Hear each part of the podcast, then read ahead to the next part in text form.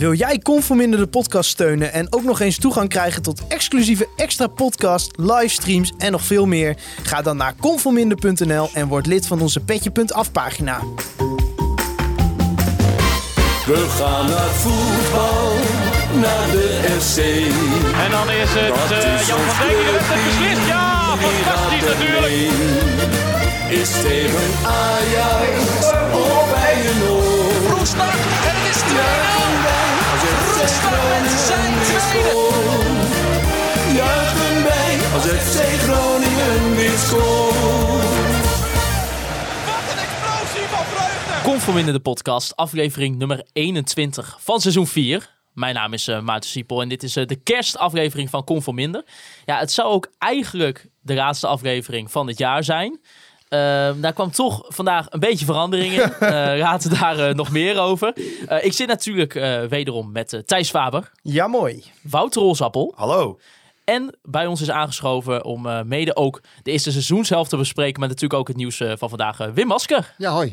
Allereerst, eh, er komt een gedicht aan. Peter van Dijken, vriend van de show, heeft voor ons een gedicht gemaakt van acht minuten volgens mij. Eh, zes. Zes minuten. minuten. Zes minuten, ja. Eh, om een beetje het jaar samen te vatten. Eh, en we hebben natuurlijk wederom, net zoals vorig jaar, verschrikkelijk veel eh, kerstboodschappen van verschillende mensen die ook maar iets hebben met, eh, met FC Groningen. ja, dat kan ook nog wel eens een leuke wending gaan geven aan deze podcast. Ja, eh Thijs allereerst, we hebben ook een nieuwtje gezien. Wim. Ja. Ja, want Wim zit hier eh, vandaag en eh, deze podcast is voor iedereen te beluisteren. Ehm, en vanaf eh, volgend jaar, dus januari, eh, komt Wim maandelijks bij ons aanschuiven in de podcast om eh, terug te blikken op de dan ja, afgelopen maand. En wat, en, en wat doe je dan als je zoiets verzint? Dan ga je allitereren. Ja, de maand, de maand van masker eh, gaat het heten. Ja, geweldig. Creatief, origineel. Dan zou ik zeggen maand met masker. Ja, hallo Wim, wat hadden we nou afgesproken? maar in ieder geval, dat is eh, speciaal voor onze betalende leden. En ook mede mogelijk gemaakt door onze betalende leden, kan ik wel zeggen. En dat gaat dan vanaf eh, ja, volgend jaar achter de betaalmuur via conforminder.nl plaatsvinden. Ja, en er komt ook een actie daarbij, hè? Ja, want ja, het is kerst natuurlijk, dus dan geef je dingen weg. Of dat nou een ontslag is of gewoon eh, een cadeautje in dit geval. Dat is, eh, het is geen ontslag, hè. het is een contract wordt niet verlengd. Maar goed, daar eh, verder over straks. Dit gaat goed. Eh, een maand gratis abonnement op onze petje.af pagina. Namelijk als jij naar conforminder.nl gaat en je drukt op petje afnemen. KVM vriend. Ja, Want dat eh, heb je nodig om eh, ja, die maandelijkse podcast met Wim te beluisteren. Maar natuurlijk ook vele andere dingen. Zoals een wekelijks voorbeschouwing. Af en toe een kolompje. Dat soort dingen.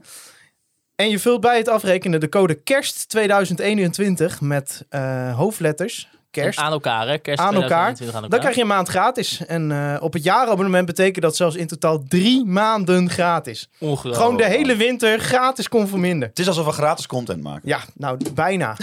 Geweldig.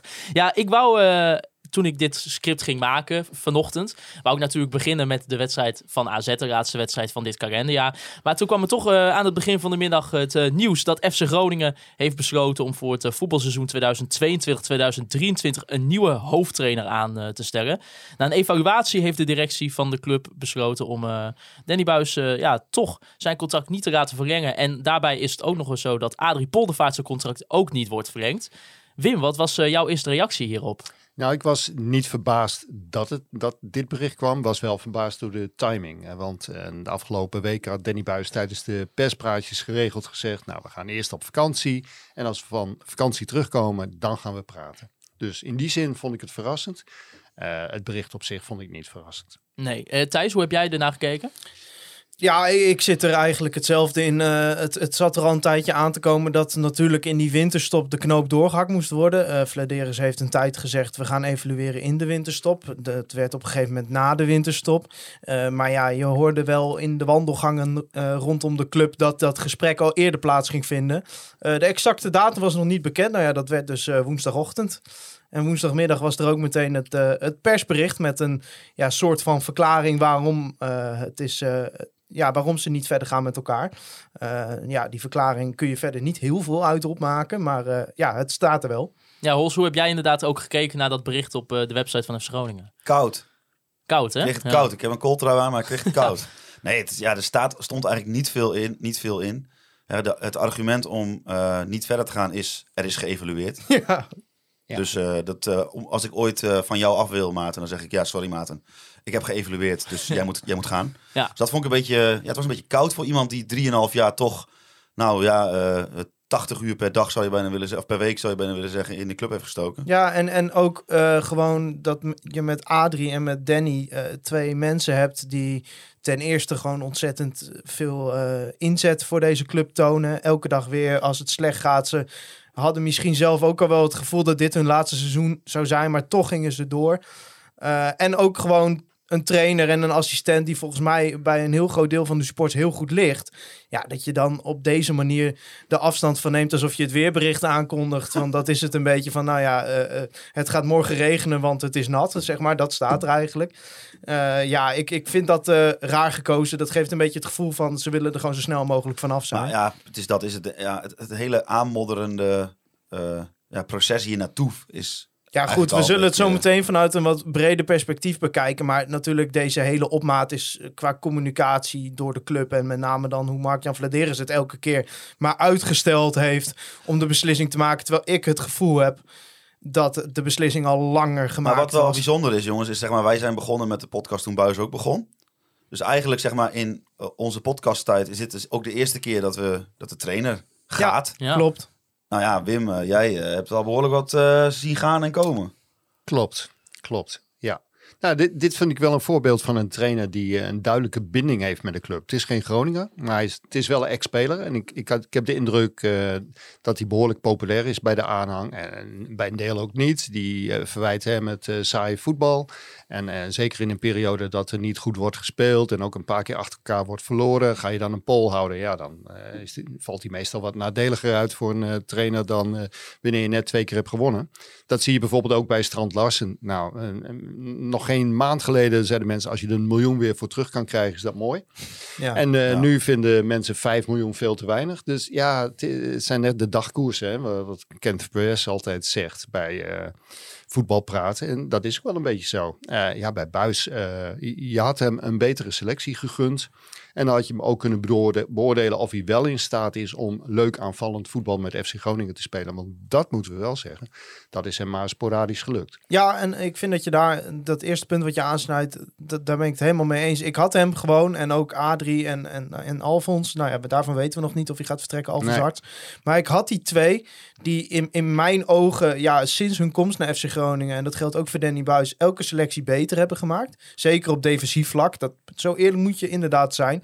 Maar ik had hun in ieder geval één seizoen gegund waarin ze konden oogsten van al die spelers die ze beter hadden gemaakt. Of in ieder geval kunnen oogsten van het geld wat al die spelers hebben opgeleverd. Sinds Adrie Poldervaart bij FC Groningen zit. We hebben het laatst zitten uitrekenen. Dan hebben we het over 2019. Hè, heeft Groningen ja, bruto voor 40 miljoen aan spelers verkocht. Ja, en natuurlijk, er zijn allerlei redenen waarom je daar niet 40 miljoen van kan herinvesteren. Maar ja, je had toch wel gehoopt dat zij zeker nu er ook wat goede aanvallers in die selectie zitten, ook een keer een, een complete selectie zouden hebben. Waar ze een keer echt konden laten zien eh, ja, wat voor trainers zij zijn. Ja, dat is ook de grote frustratie. Want die, die vraag valt ook niet te beantwoorden. hè. Eh, ja, als je Nou ja, alleen in al de kijkt, voorbereiding zagen we natuurlijk wel bij Vlagen Ja, dingen dat- dat je denkt, ja, hier je staat zag- echt een goede ploeg. Goed, Monson zag je weer opstomen. Nou, dat, eh, als iemand daar baat bij had, was het Strand Larsen. En eh, ja, die heeft heel lang geworsteld toen in het begin eh, er helemaal niks kwam van de flanken. Ja. Pas op het, sinds een maand eh, komen er weer wat ballen en dan zie je dat hij daar heel goed mee om weet te springen. Ja, het is... eh, ja, het, is, het he- het heeft een beetje een onbevredigende... ja, nee, leeft ik- dat, een daar gevoel ben ik het leeft helemaal mee eens. Ja, want wat voor gevoel he- hou je nu een beetje over, Thijs, aan, aan de- dit hele gebeuren van vandaag? Ja, en weet je, kijk, ik, ik wil alvast benadrukt hebben. Ik vind het op zich niet heel gek om na vier jaar met een andere trainer verder te gaan. Ik denk dat eh, zelfs Danny Buis ook zoiets heeft van misschien is het na vier jaar ook wel goed geweest. Maar ik vind de manier waarop dit tot stand is gekomen en hoe dit de afgelopen maanden een soort sudderend conflict tussen een technisch directeur en een trainer en zijn staf, hoe dat uiteindelijk uitmondt in na een nederlaag een gesprek plannen en dan vervolgens de trainer zeggen van nou we gaan niet met je verder. Ik vind het allemaal echt eh, niet de schoonheidsprijs verdienen en dan, dan druk ik mij nog redelijk gematigd uit. En want als we toch ook een beetje kijken naar het bereidsplan van FC Groningen, veel op de lange termijn, 2025, eh, daar ook al echt ja, eigenlijk verder kijken dan, dan inderdaad op de korte termijn. Eh, vind je er dan ook gek, Wim, dat er misschien niet al eerder een gesprek is geweest met Danny Buis en Adrie Poldervaart over een eventuele verlenging? Nou, ik, wat ik heb gehoord van één bron, en eh, verder zijn er nog mensen die, eh, die ook de suggestie wekten, is dat in de zomer al, al, al eigenlijk besluit was genomen eh, nadat ze vorig jaar het contract hadden verlengd. Ze hebben er jaren aangezien. En er is een aantal dingen onvoldoende verbeterd in de ogen van Flederis en Gudde. En ook uh, andere mensen de deden nog steeds hun beklag over hoe Danny zich soms gedraagt uh, binnen de organisatie.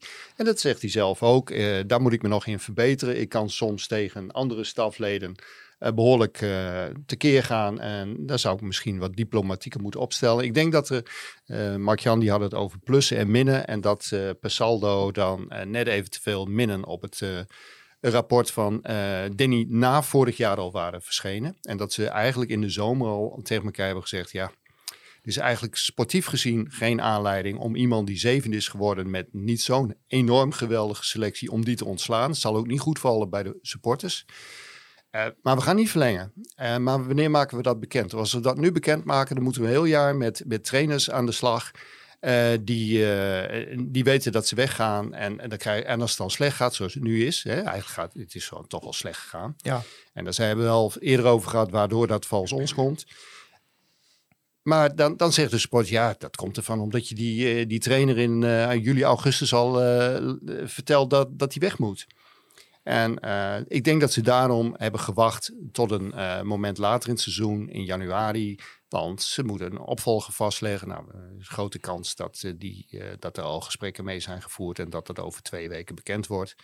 En uh, ja, ik denk dat dat de overweging is. Maar geweest. denk je, zeg maar, kijk, wij kunnen lekker, wij hebben de luxe om achteraf erover te kunnen praten. Ja. Denk je dat dat een goede keuze is geweest? Nou, ik denk dat een, uh, ik, een keuze is geweest uit angst. Zo van, Ja. ja. als we het nu, hè, wat ik net schetste, dan gaan mensen zeggen van, ja, waarom maak je dat nu al bekend? En uh, terwijl waarschijnlijk dat idee in, in- Ze wilden hem niet ontslaan. Er was ook geen aanleiding toe. Nee. Hè? De zevende plaats is toch prima met de selectie die, die eh, FC Groningen had. Zeker. Eh, verschillende mensen hadden vooraf geschat dat ze misschien tiende, twaalfde zouden kunnen worden met die groep. Keek je naar expected goals, een, een statistiek waar heel veel mensen veel waarde aan hechten, had Groningen ook gewoon dertiende moeten eindigen. Dus dan is die zevende plaats gewoon heel goed. Ja, maar ja, dan, dan, dan ga je. Ik, ik heb ook begrepen dat het een enorme worsteling is geweest voor Gudde en Vladeris. Eh, van ja, eigenlijk willen we wel van hem af, maar ja, eh, hij is wel heel populair. Eh, daar maken wij ons niet populair mee door Nee. eh, afst- afstand te nemen van de maar trainer. is, is dan eh, nadat in de openbaarheid komt dat er conflicten plaatsvinden op een dinsdagmiddag ergens tussen gedrukt met een heel kil statement zeggen van ja, we gaan niet met hem verder. We hebben er ook geen verklaring voor verder. Nee, het is, dat is misschien vaag, niet Dat, het handigste wat nou ze hebben Ik gedaan. denk dat, dat Mark-Jan Vladeris toch wat meer moet verduidelijken. Ik kan me voorstellen dat, dat je dat eh, met een interview moet doen. Bijvoorbeeld bij jullie. nou, of- dat eh, komt goed uit, Wim. Goed dat je het Wat een zegt. bruggetje. Ja. Want eh, morgen eh, zitten wij inderdaad met Mark-Jan Vladeris. En eh reken er maar op dat dit gevraagd gaat worden. Ja, want- En reken er maar op dat het antwoord, we hebben geëvalueerd, niet genoeg gaat zijn. Kijk, als je, als je iets op papier zet, daar- ja, het papier is niet van elastiek. Eh, je kunt op een website kunnen een elle lang. Dat, ja, podcasts zijn daar veel geschikter voor om alle nuances weer te Ja. geven. En dan ja, moet Danny Buis ook in de gelegenheid worden gesteld om eh weder, hè, je moet wederhoor toepassen eigenlijk, denk ik. Als er tenminste dingen uitkomen die, die eh, Kijk, dan- vragen om enige verdediging van de kant van Buis. Het mag best wel wat verduidelijkt worden. Maar ik, Ja. kan- ik zie ook geen enkele reden voor beiden om zeg maar nu heel erg te gaan natrappen. Nee, ik denk ook niet dat ze dat gaan doen. Eh, want wat ik begrepen heb van Danny zelf, was de verhouding tussen hem en Vladeris de laatste maanden zelfs weer iets beter dan die, dan die een tijdje geweest is. Want waar kwam, waar kwam die problematiek tussen Buis en Vladeris nou eigenlijk vandaan? Want het is iets, hè, het speelt al langer. Volgens Hmm. Ja. mij zelfs eh, in die transperiode dat Paulus Abraham werd gehaald. Toen hadden ze eigenlijk al veel gesteggel over het aankoopbeleid. Ja, mijn inschatting is dat Buis minder enthousiast was over de aankopen dan Vladeris. En dat hij dat ook nadrukkelijk heeft laten blijken, zoals hij ook tijdens de wedstrijd heel duidelijk kan laten blijken dat hem iets niet zint. En ja, als jij dan eh, verantwoordelijk bent voor die, voor die aankopen die de Ja. trainer helemaal niks vindt, dan is dat toch eh, niet fijn om te horen. Dus ja, ik- dan kruip je in de verdediging en dan ga je over en weer, ga je, eh, nou waarschijnlijk ja, maar die, jij, jij, jij, jij, benadert die jongens ook helemaal niet op de manier zoals zou moeten. Daar worden ze niet beter van, snap je? Dus ik denk dat dat eh, eh, met name in die periode eh, augustus, september, hè, toen, toen zal dat flink hebben gebotst. Dat buis moet ik met die, met die Kelly. En eh, ja, Kelly was op een gegeven moment ook zo slecht dat eh, op verzoek van de spelers, van, eh, of, daar kwam het eigenlijk op neer, is hij teruggezet naar onder 21. Daar zie je hem nu wat opfleuren. Hij merkt dat hij toch niet zo slecht is als dat hij leek eh, bij het eerste. Nou, dan zie je hem ook wel aardige acties doen. Dan zie je toch wel de potentie die de scouts ook in hem zagen. En ja, ik denk dat dat enorm gebotst heeft in eh, augustus, september. Want de technische staf heeft ook zelf spelers aangedragen. Nou, die naam Bangura is al verschillende keren genoemd. Op een moment dat hij nog niet eh, zijn debuut in de Eredivisie had gemaakt. En dat deed hij geweldig zijn eerste wedstrijden. Ja, En nog niet zo tegen FC Groningen, maar daarna wel. En toen, ja, dan gaan de, de eh papegaaienleger van analisten, die gaan ook allemaal roepen van, oh, die Bangura, geweldig spelen. Nou, dan schieten de prijzen meteen omhoog Ja. van, van anderhalf naar 2,5 naar 3 miljoen. Ja, als ze dan weten dat Groningen net eentje voor 6 miljoen heeft verkocht, zou ik als Cambuur ook zeggen, van, nou, 3 miljoen. Eerder praten we niet. Nou, misschien om wel te, te illustreren hoe dit al langer speelt. Maar, eh, een bekend incident is wel... uh, Abdou Haroui kon natuurlijk Ja. eh, naar FC Groningen. FC Groningen had interesse. Daar was eigenlijk de hele club het wel over eens van... die willen we graag Ja. hebben.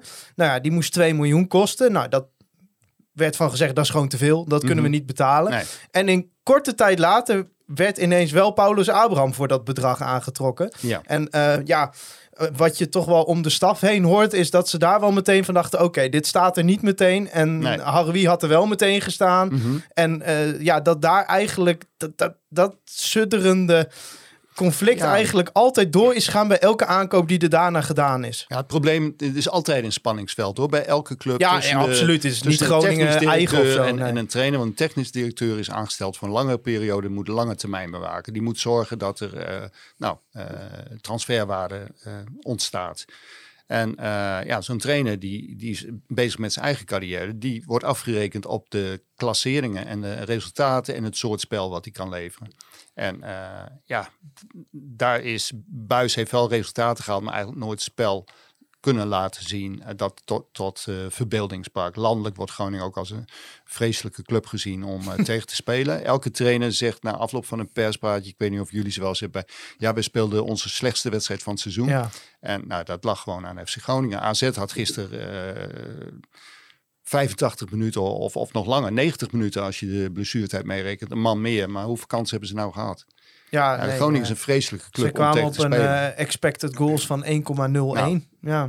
Maar als je eh, de, gewoon de, de situatie van de afgelopen jaren, Flederis, Buis ook een beetje, zeg maar, eh, je, je gaat erboven hangen. Dan is één ding wat ook wel een beetje opvalt, is zeg maar dat eh eh, Flederis die moeilijk van zijn eh, eh, zeg maar zakelijke standpunt af te krijgen is. Dat zie je eigenlijk bij eh, toen Adrie naar eh Adrie Poldervaart naar de graafschap komt, toen bleef hij heel zakelijk. Ja. Maar je ziet het eigenlijk ook in dit halve jaar, waarin hij geen enkele keer de opmerking heeft gemaakt over die doelstelling, hè, van we moeten de play-offs halen met deze Ja. selectie. Hij heeft geen enkele keer de doelste- eh, geen enkele keer een verzachtend woord gesproken. Hij heeft niet één keer gezegd van ja, nee, tuurlijk, eh, dat heeft even tijd nodig. Nee, en wel. hij heeft de kans wel gehad. We hebben hem eigenlijk niet gehoord hè, het afgelopen half jaar. eh. en wel was- blijven zeggen van ja, nee, we gaan evalueren op de doelstelling. Ja, Ja. er was wel één, eh, één interview op een gegeven moment in, in de Voetbal International. Gelukkig is het Maar- Ja. altijd om mij weer te corrigeren. Nee, maar Nee, dat, nee, dat, maar niet- maar dat, dat is was- wel, dat onderschrijft het punt alleen maar. Ja, want dat was dan wel het enige punt. Maar in daarin vond ik ook weer niet dat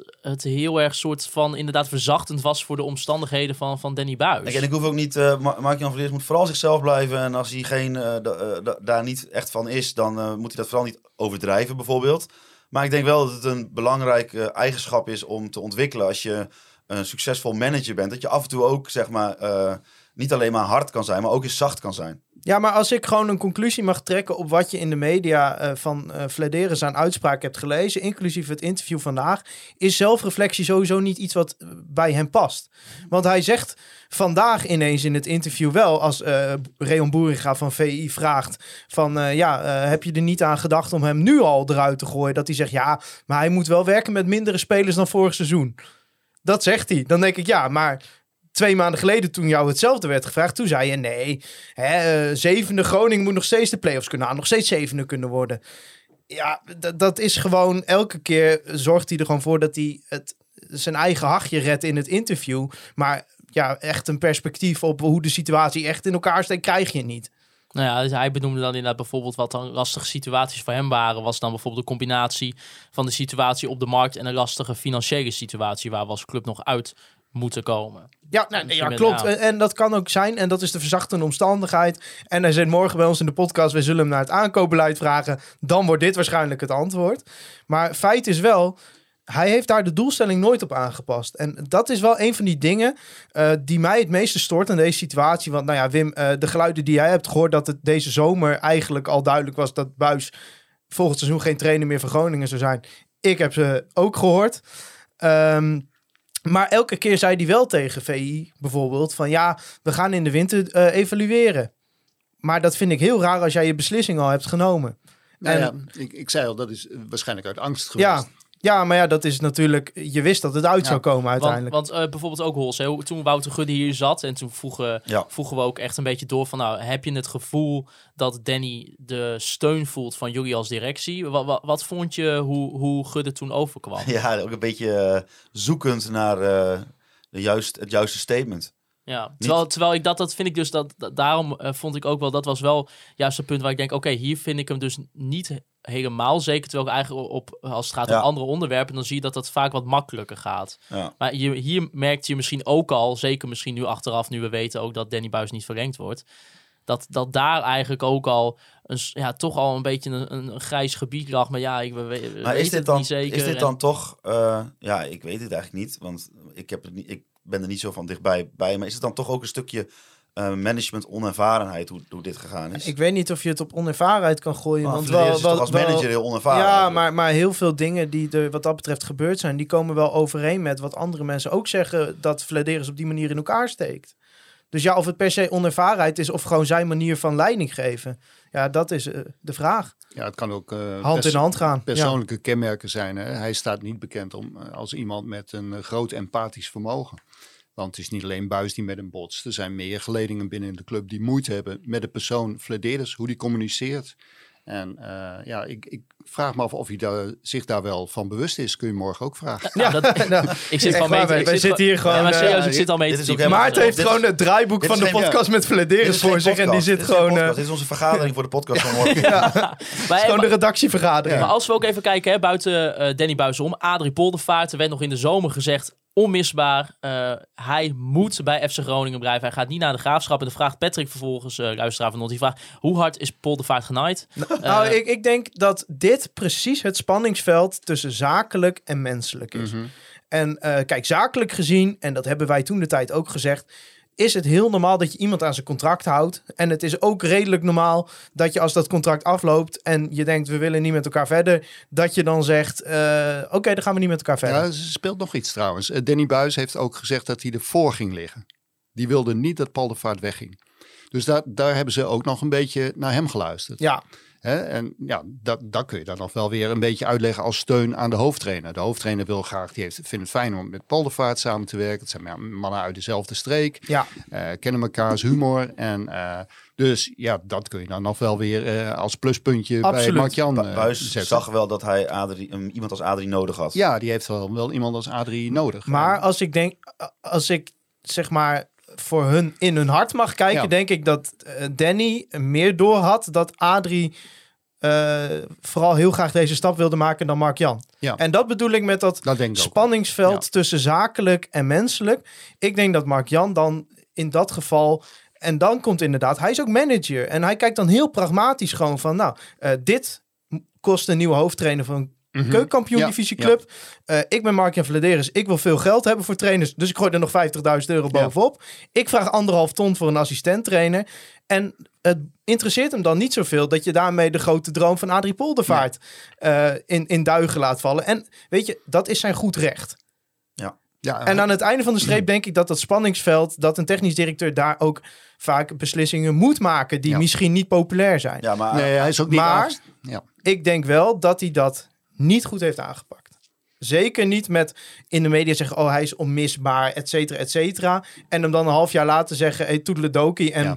ook voor Adrie geldt, daar wist hij eigenlijk ook al in de zomer van, dit is het laatste jaar Adrie Poldervaart. Nou ja, als, als je in de zomer al weet dat je met buis stopt en, en, Ja. je, en je, je vindt dat eh poldervaart complementair is, ja, dan, dan zul je Nou ja, je ziet wel... het, ze worden er tegelijk uitgegooid Ja, vandaag. Ja, Ja. en dan hou je één trainer over en de nieuwe trainer mag dan een assistent meenemen.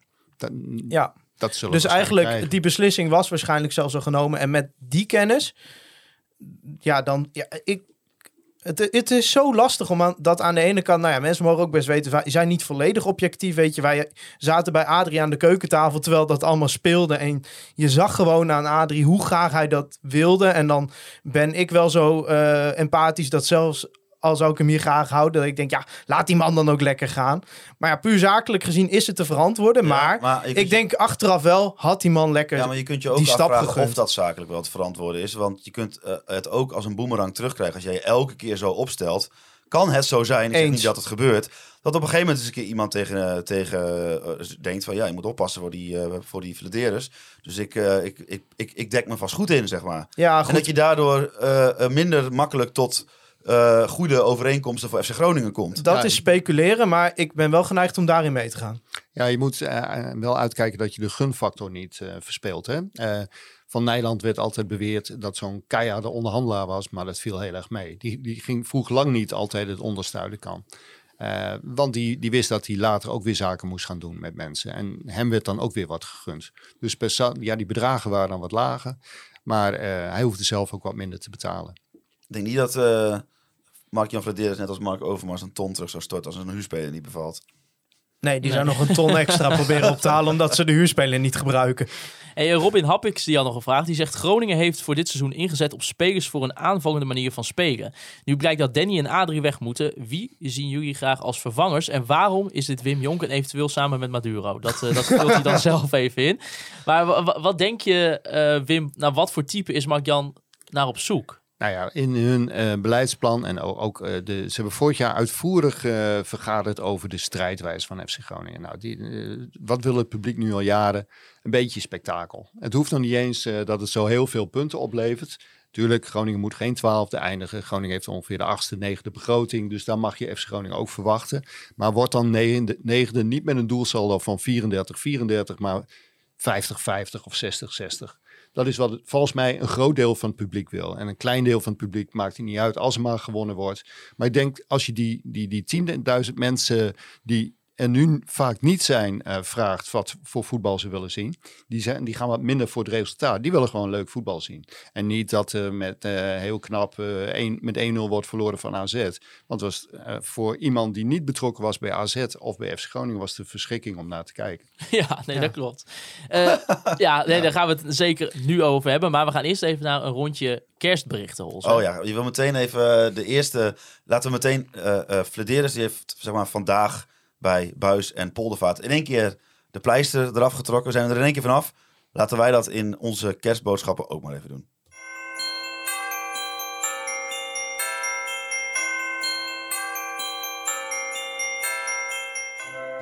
Beste luisteraars van de Kon Veel Minder, de podcast. Ik wil jullie namens iedereen bij FC Groningen ook heel graag eh, fijne kerstdagen en een heel gelukkig en gezond nieuwjaar toewensen. En we hopen jullie na eh, eh, deze jaarwisseling weer heel snel te kunnen zien in het stadion.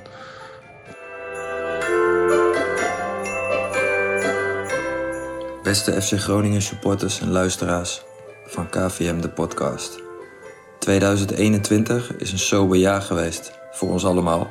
We hebben jullie helaas heel weinig tot niet in de stadions kunnen zien. En dat is uiteindelijk waar je toch voor doet als voetballer of als voetbaldier. Ehm, het seizoen is ook een seizoen met ups en downs. De laatste periode hebben we het wat, wat moeilijk. Ehm, we hebben wel de play-offs gehaald in 2021. En we hebben denk ik financieel een mooie uitgangspositie kunnen creëren. Voorwaarden kunnen creëren om weer stappen te gaan zetten met elkaar. Ehm, wij gaan er alles aan doen om die stappen te zetten in 2022. En we hopen jullie dan ook weer heel snel te kunnen treffen in de stadions. En ik wil jullie namens iedereen bij FC Groningen een hele fijne kerst toewensen in deze sobere tijden. Groeten, Mark-Jan.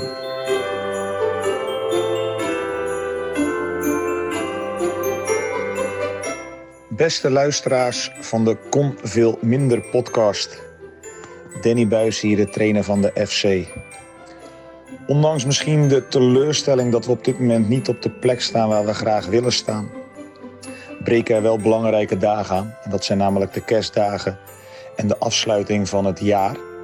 Langs deze weg wil ik namens mezelf, maar bovenal ook namens iedereen van het eerste elftal, jullie ontzettend bedanken voor de support, voor de steun, maar bovenal heel veel goeds toewensen in de komende dagen en in het jaar 2022. En laten we met z'n allen de schouders eronder zetten om er een mooi jaar van te gaan maken. Nogmaals, veel plezier de komende dagen, ondanks ook de coronamaatregelen. Maak er wat moois van. En we spreken elkaar weer in het nieuwe jaar.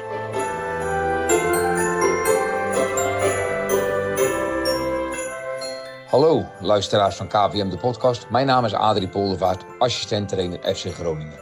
Waardering is mijn belangrijkste drijfveer. En die kreeg ik afgelopen zomer toen ik naar de graafschap kwam. Velen van jullie zeiden, liever niet, maar we gunnen het hem wel. Een mooier compliment kon ik niet krijgen van jullie. Mijn waardering naar de FC Groningen supporters is ook enorm groot. Omdat de steun voelbaar is. Tuurlijk in een vol stadion, maar ook zelfs in een leeg stadion merk je eraan alles omheen dat jullie de club een warm hart toedragen. En dat hebben wij nodig. Daarom wens ik jullie prachtige kerstdagen en een meer dan gezond en een zeer gelukkig 2022. Ik wens jullie het allerbeste. Groetjes aan.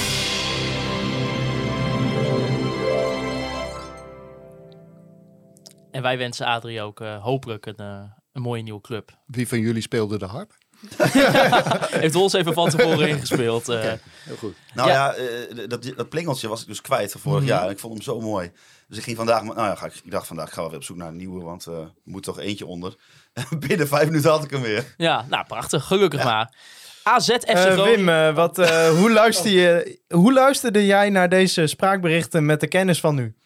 Nou ja, het, het klonk wel een beetje alsof ze tussen twee crematies door nog even, de, even tijd had gevonden voor het eh, inspreken. Maar nee, het, het klonk, eh, volgens mij is iedereen hartstikke moe. Ja. Ja. En eh, dat snap ik ook wel, want het is eh, heel intensief om zo'n club te leiden. Je loopt tegen veel meer dingen aan dan je als eh argeloze supporter en eh, misschien zelfs wel journalist eh, beseft. En nou, we merkten het ook aan Danny Buis. Die is gewoon hartstikke moe en dat zal voor Adrie net zo geldt. Die mannen die zijn 60 tot 80 uur per week bezig. En ook onderschat niet wat Gudde allemaal eh, voor de kiezer krijgt. En eh Flederis trouwens ook, want die, die moet ook al die scoutingsadviezen natrekken. En dan zelf beoordelen, wat een hele verantwoordelijkheid is. Dat blijkt nu wel. Of, of dat goede adviezen zijn of niet. En eh, ja, dat, dat is in de, de, de stemmen van de vier mannen eh, wel te horen. Ze zijn toe aan vakantie. Maar deze boodschappen zijn natuurlijk allemaal voor vandaag binnengekomen. Ja. Ja. ja. ja, dat is ook wel logisch natuurlijk. Maar ja, toch allemaal wel eh, eh, een gemeende boodschap, zeg maar. Ja, Ja, absoluut. ja, ja dat, Dat geloof, vond ik oh, dat, eh, dat geloof ik ook zonder meer. Daar heb ik geen twijfels over. Ja, ja. Ik, vind het wel, ik, vond het ik vond het wel mooi. Ja, de heren waren naar vakantie toe. En dat, eh, en dat kon ook na de wedstrijd van eh, FC Groningen uit bij AZ op dinsdagavond. 0-1 verloren door het doelpunt van de Jesper Karlsson in de 68e minuut. Opvallend binnen de eerste basis van, eh, van FC Groningen was een basisplaats voor Daniel van Kaam. De eerste basisplaats sinds 22 september, die naast Duarte stond. En verder was er ook weer een eh, basisplaats voor Björn Meijer. Eh, als linksback. En Paulus Abraham, die eh, ook nog eens bleek op de rechter wingback positie eh, te spelen. Bij AZ was Pavlidis was geschorst vanwege een zoveelste gele kaart. En daarom was er weer een plaats voor Goedmondson. Mitchell had een ribblessure. En daarvoor speelde Tijani Reinders. Ja, dat denk ik wel wat gelijk even opvallend was toen die wedstrijd begon. Is dat Paulus Abraham ergens aan de rechterkant ja, een beetje in een vijfmans verdediging speelde, Wim. Ja, nou, ik, ik, ik heb hem eh, de laatste tijd wel aardig zien spelen in, eh, bij de belofte. Maar dan aan de linkerkant, aan de rechterkant. eh, hij heeft maar elf minuten gespeeld. En eh, binnen die elf minuten maakte hij geen verpletterende indruk. Sterker nog, heeft hij drie keer zijn man laten lopen. ja, hij laat zijn man lopen. Hij geeft, terwijl hij nauwelijks onder druk staat, de bal zomaar eh, schuift hij een middenvelder van AZ in de voeten. Ja. Ik denk dat hij aan de rechterkant eh, niet thuis hoort. Hij hoort aan de linkerkant. Is Thij- Thijs, als we, als we ook kijken naar Björn Meijer, dat was denk ik ook wel een opvallende naam op de Mhm. linksbackpositie. Dat was toch iets wat, eh, wat Bartje de afgelopen tijd invulde. Eh, Bart van Hintem. Bart van. Hintem, inderdaad. hoe, eh, hoe keek je naar dat? Dat Björn opeens weer in de, in de basis zelf zat? Eh, je moet iets op linksback, hè. En ik eh, denk dat... eh, kijk, ik spreek met de kennis van nu. Eh, ik denk dat Meijer dat prima heeft ingevuld. Ja, Nou tevreden. ja, je zegt eh, opvallend dat hij er stond, maar hij viel niet op. Nee, het is een beetje de linksbenige Tom van der Looy. Hè? Het is gewoon, eh, het is allemaal wat degelijk. Hij is wat sneller dan Tom van der Looy. Ja, Ja, maar vergis je niet in Tom van Looy. Die vond ik vorig jaar eh, een hele goede indruk maken. Toen hij terugkeerde van zijn uitleenperiode aan NEC. En eh, die is toen naar Brescia vertrokken. Ja.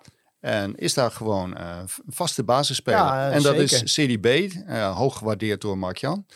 En is daar gewoon titularis en eh, mist geen wedstrijd. Nee, die had En je er nu, eh, die had je er nu aardig Nou, bij die, kunnen Die had heel Zo. goed die, die, die rol eh, van Matusiwa. Ja. Niet helemaal, want Matusiwa is veel beter in de duels. Nou, ja. Maar eh, Tom heeft een uitstekende lange paas. Die had er heel goed kunnen spelen. Ik Absoluut. had onlangs nog wat contact met hem, maar volgens mij dat Noord-Italië met die meren en die bergen en dat weer, dat bevalt Oh, die wel. zit heerlijk daar. Ja, echt waar. Ah, Wim, zoals jij ook al zei, als je niks met AZ hebt of met FC Groningen, was de wedstrijd van, eh, van dinsdagavond verschrikkelijk. Nou, hebben wij dan wel. En dan zie je FC Groningen wel heel goed verdedigen. En, Ja. eh, Ja. voor het eerst sinds lange tijd weer. Helemaal mee eens. En eh, ik vond eh Björn Meijer, die is al even genoemd, die vond ik echt heel goed spelen. En dat zit hem in hele simpele dingen. eh, ruimtes dichtlopen.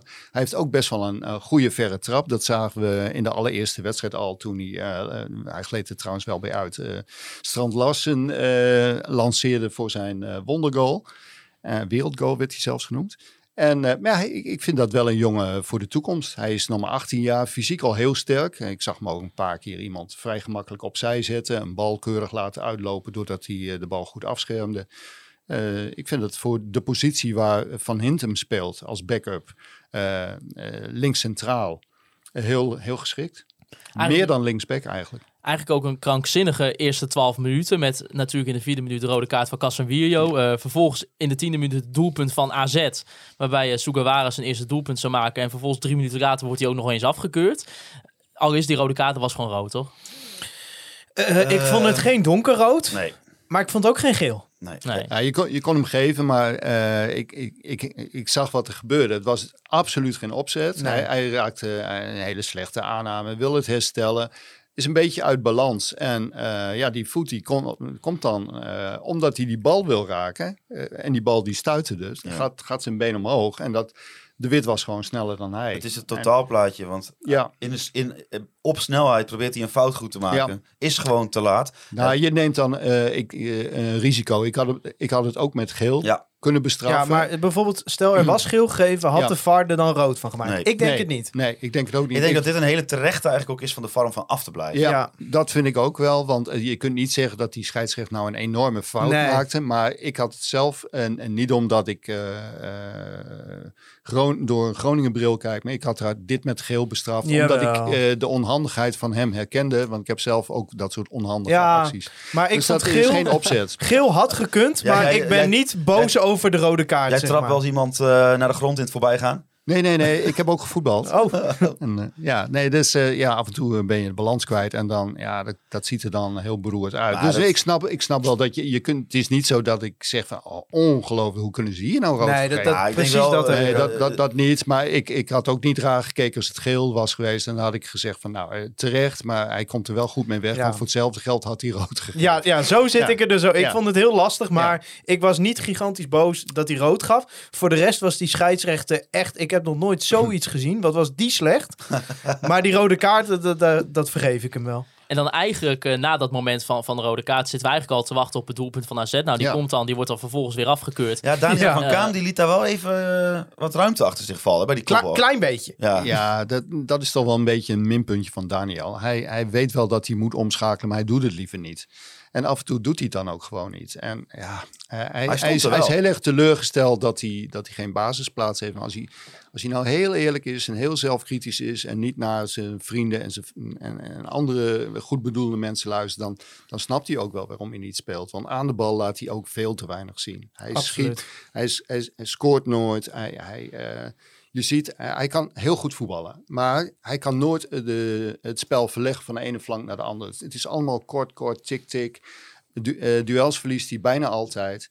Uh, ik denk dat het voor hem beter zou zijn als hij bij een, bij een goed voetballende club in, in de keukenkampioen-divisie, Volendam of Emmen, uh, het komende half jaar gaat spelen. Maar of, of dat hij uh, tot inzicht komt dat hij echt iets aan zijn spel moet veranderen. Meteen ook wel een puntje wat dan op Danny Buis aanslaat die heeft de laatste weken wel heel vaak in de media geroepen dat hij zijn spelers niet goed genoeg vindt. Nou ja, Ja. Geert Bronsma Ja, ik- die vroeg ook, eh, ja, is dat wel verstandig? Nou ja, ik denk dat natuurlijk, je, eh, je, eh, Danny is iemand die graag eerlijk is en gewoon zegt wat er staat. Dat is ook prima. Maar dat hetzelfde als met dat Mark Jan soms wat, wat we net zeggen, fladeren. Die mag soms wel wat meer het menselijke touch erin. En dat is in dit geval met Danny misschien ook wel zo. Soms kan, ja, zo'n Abraham bijvoorbeeld, zo'n Van Kaam, die gaan echt niet beter spelen als je, als je blijft zeggen hoe slecht ze zijn. En je moet het er toch mee doen. ja, ja, aan de andere kant zou je ook natuurlijk kunnen zeggen, het is wel topsport. Het is ook topsport. Maar ja, to- eh, eh, je hebt deze jongens. Je moet het met deze jongens doen. Dus je moet deze jongens, die er nu zijn, zo goed mogelijk voorbereiden op een wedstrijd. Ik weet het niet, want we vinden het met z'n allen ook heel irritant als Danny Buis na elke wedstrijd gaat zeggen: Nee, ik heb wel goede dingen gezien hoor. Nee, jongens, die jongens hebben hartstikke hun best gedaan. Nee, het is, ook, Dus het is niet zwart-wit. nee. Nee. Nou, ik- kan me na afloop van wedstrijden altijd uitstekend in analyse vinden van Danny. Ja. Ik, ik heb één keer dat ik dacht, eh, toen Peter Leeuwenburg een mindere wedstrijd keepte en eh, ook een fout maakte. Ik, ik denk, voor een keeper moet je een uitzondering maken. Dat is zo'n kwetsbare positie. Die moet je ten alle tijde in bescherming nemen. Tenzij die eh, een appeltje aan het eten is tijdens een corner. Dan moet je, dan moet je er wat van zeggen. Maar die keeper die maakt nooit opzettelijk fouten. En eh, ik snap wel dat je geïrriteerd raakt als je van tevoren hebt gezegd... eh, bouw nou niet op als een, eh, medespeler eh, geen zicht heeft op de situatie. Speel hem dan niet aan. Zeker ni- niet als hij... Ja, dan kan ik me voorstellen dat je daar even kwaad om wordt als, trainer. Maar om na afloop nou te zeggen dat de keeper niet goed was... dat kun je beter, be- toch maar niet zeggen. Ik heb trouwens over Leeuwenburg. En ik, wil, ik ga dit nu echt niet elke week zeggen, omdat ik hem recent zo slecht vond, et, et cetera. Ik vind dat hij met een stuk meer vertrouwen speelt. Ik vond het ook gisteren. Ik vond dat hij, je zag een aantal keer dat die hoge bal kwam en dat Leeuwburg kwam en dat hij hem wel had. Ja. Dus ook ik, over andere spelers heen. Dus weet je, je moet in deze tijden ook gewoon eh, positieve dingen aanmerken. Ik denk wel dat. Leeuwenburg eh, de weg naar boven heeft gevonden. Ja, er is een statistiek. Een stad, je hebt eh, leugens, grote leugens en statistieken. Maar er is een statistiek waaruit blijkt dat hij het helemaal niet zo slecht doet qua het verwerken van eh schotpogingen. Dan is het wel zo, net als bij balbezit, dat ik niet weet of dat voldoende gedifferentieerd wordt. Nee, je ziet maar- van die slappe schoten. Ja, want het gaat ook om wat hij wat die, wat die uitstraalt. Wat hij uitstraalt. Wat je, wat je met het blote altijd, oog kunt zien. alle Ja. Statistiekmodellen zijn fout, sommige Ja. zijn bruikbaar. Ja, precies. Nou, ik, ik denk niet dat hij minder is dan de, eh, dan de keepers van erkende subtopclubs zoals eh, AZ, Utrecht en eh, Vitesse. Nou, die van Schubert- Vitesse is heel slecht. Ik, denk dat, ik denk dat hij beter is. Ja. De, de Deen had gisteren een geweldige redding, maar die hebben het ook al geregeld eh Ja. flaten zien maken. Maarten Paas. Maarten Paas zien we. en dan gaan we naar de topclubs kijken. Nou, Ja. Bijlo doet het prima. Maakt ook wel eens een foutje, maar doet het prima. Eh Pasveer draaide een fantastisch seizoen. Er was eerst heel veel eh, eh, sepsis. Nou, die, die doet gewoon uitstekend. Alleen Drommel. Ja, Drommel is een beetje het zorgenkindje van de Eredivisie. Die met de laagste reddingspercentages. Maar Ja. het is, Dus eigenlijk Maar valt het allemaal wel mee met die Nou ja, we, we, we hebben steeds vergeleken eh Pat Leeuwenburg en hebben gezegd, eh, nou, eh, wel een volwaardige, tenminste heb ik steeds gezegd, wel volwaardig, maar niet gelijkwaardig. Maar je moet er ook de kanttekening bij plaatsen dat Pat heeft altijd een beschermheer gehad. In de vorm van Bottegin, die alle ballen wegkopte. Eh, hij heeft Itakura gehad, die alle ballen wegkopte. Eh, hij heeft Memisevic voor zich gehad. Hij heeft Chabot gehad. Wie doet dat nu bij FC Groningen? Mike de Wierik. Maar is Nou, die doet dat- het dus niet. Nee, Nee. nee, maar ik bedoel, dat, Dammers, dat ja. is ook nog wel iets om Ja. mee te nemen in Ja. de beoordeling Nou, en, van en eh, kijk, Leeuwenburg. Ja, Als we toch weer die, 19-jarige eh, jongen voor zich. ja, als Ja. we toch weer die statistieken erbij pakken, Groningen krijgt een stuk meer kansen tegen ook. Ja. Maar het zou ook leuk zijn voor een keer, als er een keer, maar deze bal was echt heel mooi van Carlson die erin vloog. Ja. Maar het zou leuk zijn als hij een keer zo'n bal eruit tikt. Ja, maar dit, dit, dit had Manuel Neuer ook niet tegen. Nou ja, maar hij had natuurlijk dat waar. Ik, dat- ik maakte alweer een grapje, hij zwaaide naar de bal, maar Nou, dit, dit, dit hou je niet tegen. joh. Dit Nee, is, dit- Hier is echt niets tegen te doen. Ook de verdediging had hier geen schuld. Nou ja, ja, maar zo'n moment had hij toch eigenlijk tegen Herakles wel een beetje dat hij die twee ballen achter elkaar pakt. Ja. Weet je wel, dat, dat, Maar dat waren, waren dat echt afstandsschoten zoals deze? nou, het begon nee, met nee, een nee. afstandsschot. maar die dat bedoel ik, verwerkte want die hij al goed. Tegen, tegen Zwolle, tegen Fortuna en nu eigenlijk weer een afstandsschot. Dat is wel, eh, eh, eh, eh, zeg maar, al drie in vier wedstrijden. ja. En Ja, het is niet maar- zo dat... Nee, maar voor, het- voor, de beeld, voor het beeld... Ja, maar iedereen ziet toch dat schot gisteren. Dan denkt toch niemand, nou, dit is Leeuwenburg. Nee, dat, denk, ik- nee dat, dat, dat, is, dat is sowieso waar. Maar wat ik op een gegeven moment zag, en dat, daar zie je in dat hij best wel een moderne keeper is.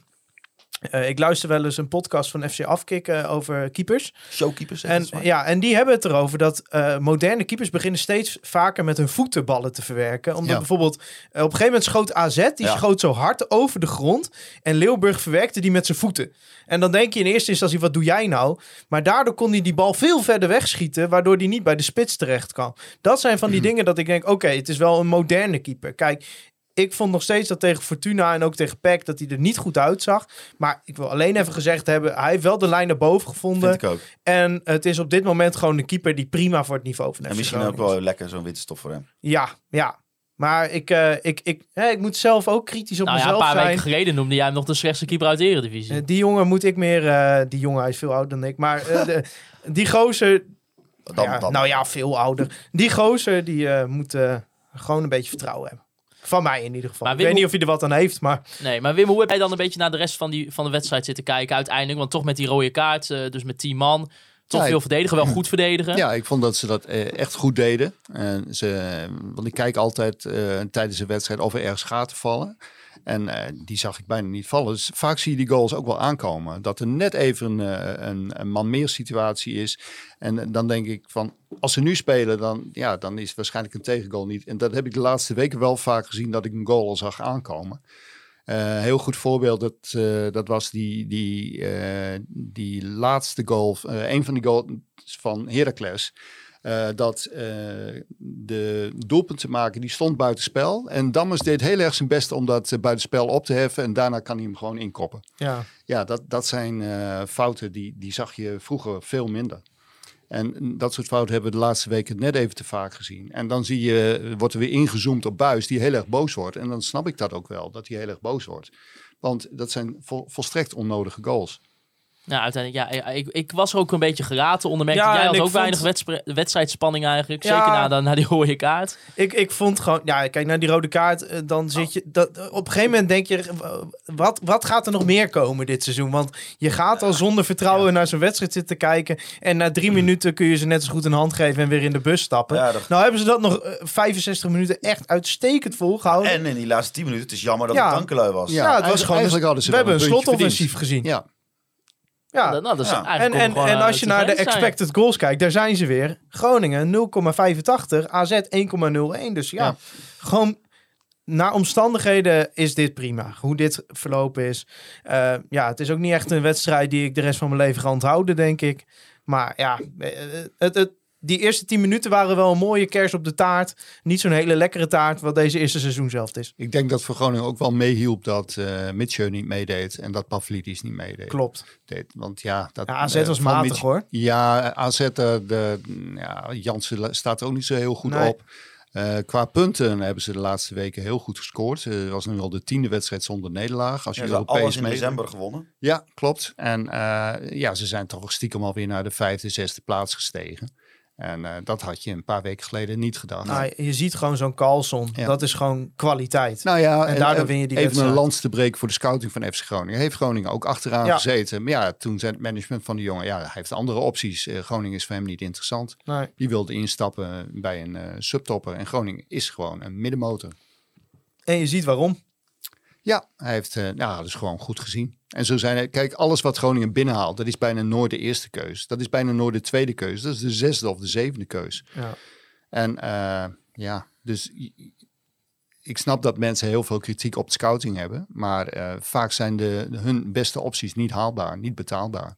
Maar ja, überhaupt, Het is heel knap dat ze überhaupt op een positie geen speler halen, dat is dan weer een ander. Dat is een ander verhaal. En, eh, maar ja, je kunt toch nog altijd nog beter eh, geen speler halen dan een hele middelmatige speler. Waarvan je eigenlijk op voorhand al wel weet, dat gaat, eh, daar gaat Groningen niet beter van worden. Het is handig om hem als backup te hebben, maar dat, dat is eigenlijk niet een speler voor de basis. En als het een backup is, kun je beter kijken of er op korpus vanuit de jeugd niet een betere rondloopt. Zoals bijvoorbeeld een Meijer.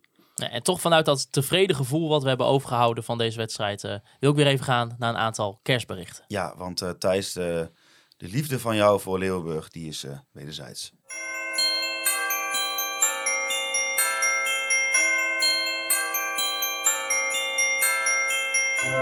Hoi, dit is Peter Leeuwenburg. Ik wens iedereen hele fijne kerstdagen toe. Een heel gezond 2022 en hopelijk sportief en succesvol jaar met snel weer mensen op de tribunes. Hallo vrienden van de Conforminder podcast. Tom van der Looy hier vanuit Italië. Ik wil jullie hele fijne kerstdagen wensen. En een heel gezond, sportief en gelukkig 2022. Ciao. Beste FC Groningen supporters, Erik Nefland hier. Eh, ik wens jullie allemaal prettige kerstdagen vanuit Noorwegen. Hopelijk tot snel.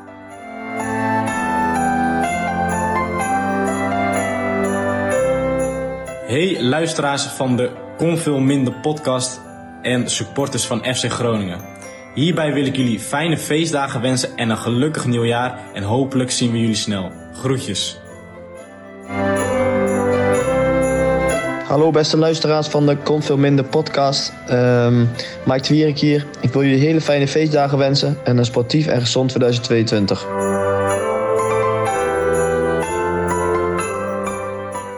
Hallo lieve podcastluisteraars. Eindelijk, na al die afleveringen is het dan zover. Ik zit in de Kon Minder podcast. Hoi Mila Stijn, Mike, Tim, Robin, Fabienne en Dani. Misschien herken je mijn stem. Volg je mij op Twitter of ontvang je wel eens een mailtje van mij? Ik ben Nikki, werkzaam bij FC Groningen op de afdeling supporterszaken. En hoewel ik het online contact met velen van jullie ontzettend gezellig vind, ik zie jullie toch veel liever bij mij aan de balie of shoppend in de fanstore. Maar natuurlijk nog liever juichend in het stadion. Mijn wens voor 2022 is dan ook dat jullie, alle supporters, gezond blijven, lief zijn voor elkaar en we elkaar nog vaak mogen spreken. Online, maar echt liever nog live in het stadion. Liefs, Nikki.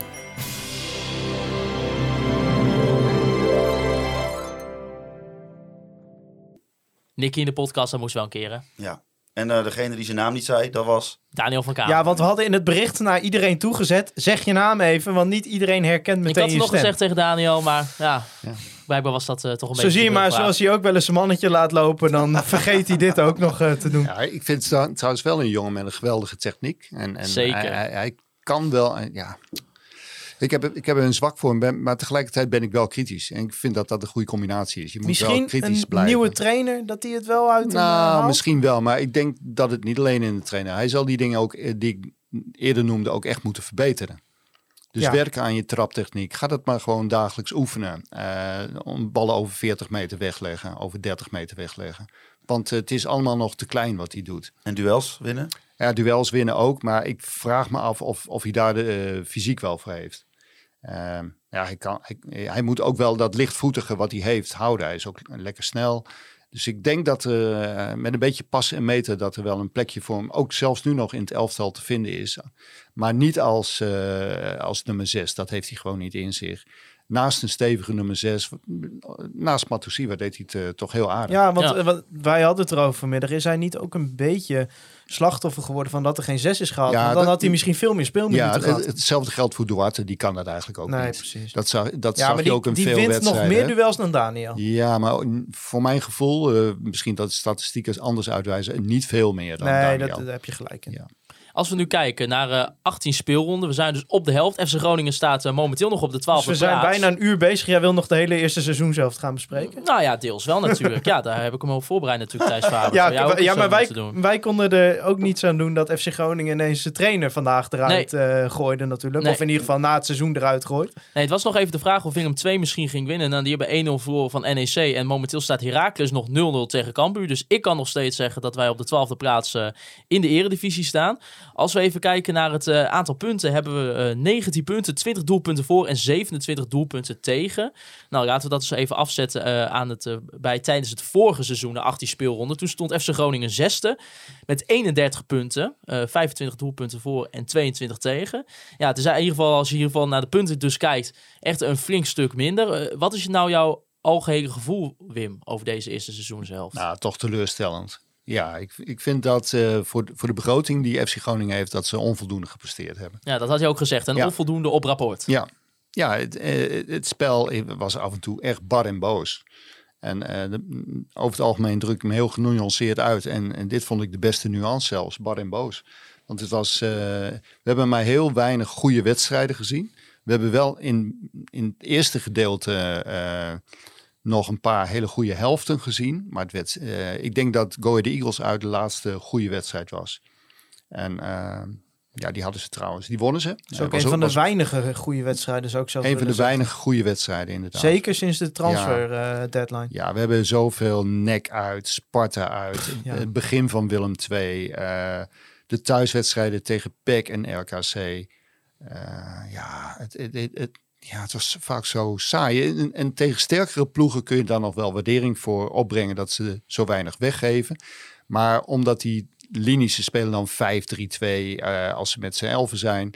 Of anders 5-3-1. Maar die, die drie staan zo dicht op die vijf. Als ze een bal wegkoppen of, of eh, wegtrappen, dan, ja, dan staan er meestal twee of drie spelers van de tegenpartij die de bal opvangen. Je komt eigenlijk nooit, je voetbalt nooit onder die druk vandaan. Ook omdat de spelers die dan eens een keer een bal kunnen geven, vaak te angstig zijn of, of te paniekerig zijn. Terwijl er vaak wel ruimtes zijn om, eh, om de aanvallers eh, aan te spelen. Kunnen we zeggen, kijk, Groningen staat niet eh, op degraderen momenteel. Als je dit doorzet, dan ga je je echt wel handhaven. Ja, maar, maar- kunnen we zeggen dat het voetbal wel degradatievoetbal is? In ieder geval kwaliteit van de ik, ik onderste denk dat ze daar nog wel de spelers voor hebben. Ze kunnen wel, eh, als het moet, puntjes gaan sprokkelen. Nee, maar ik bedoel meer als Ja. je puur naar het spel kijkt. Ja, ik vind, het, ik vind het wel. Ik vind het echt ondermaats. Ik vind dat Groningen nu ook eh, staat waar ze horen te staan. Op basis van wat ze hebben laten zien.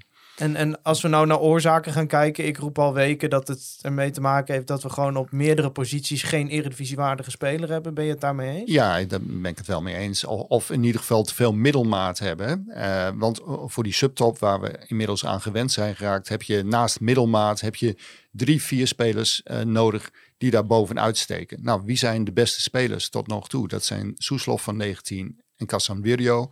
En die zijn toevallig de laatste weken ook eh, wat minder in vorm. Dat Wat, wat heel begrijpelijk is, want er is ook wel een beetje roofbouw op zich gepleegd. heb ik En dan indruk. de laatste weken is Strand Larsen. Ja, Strand Larsen die, die, eh, die speelt niet eens heel goed, maar die maakt wel zijn goals en daar Ja. staat hij voor.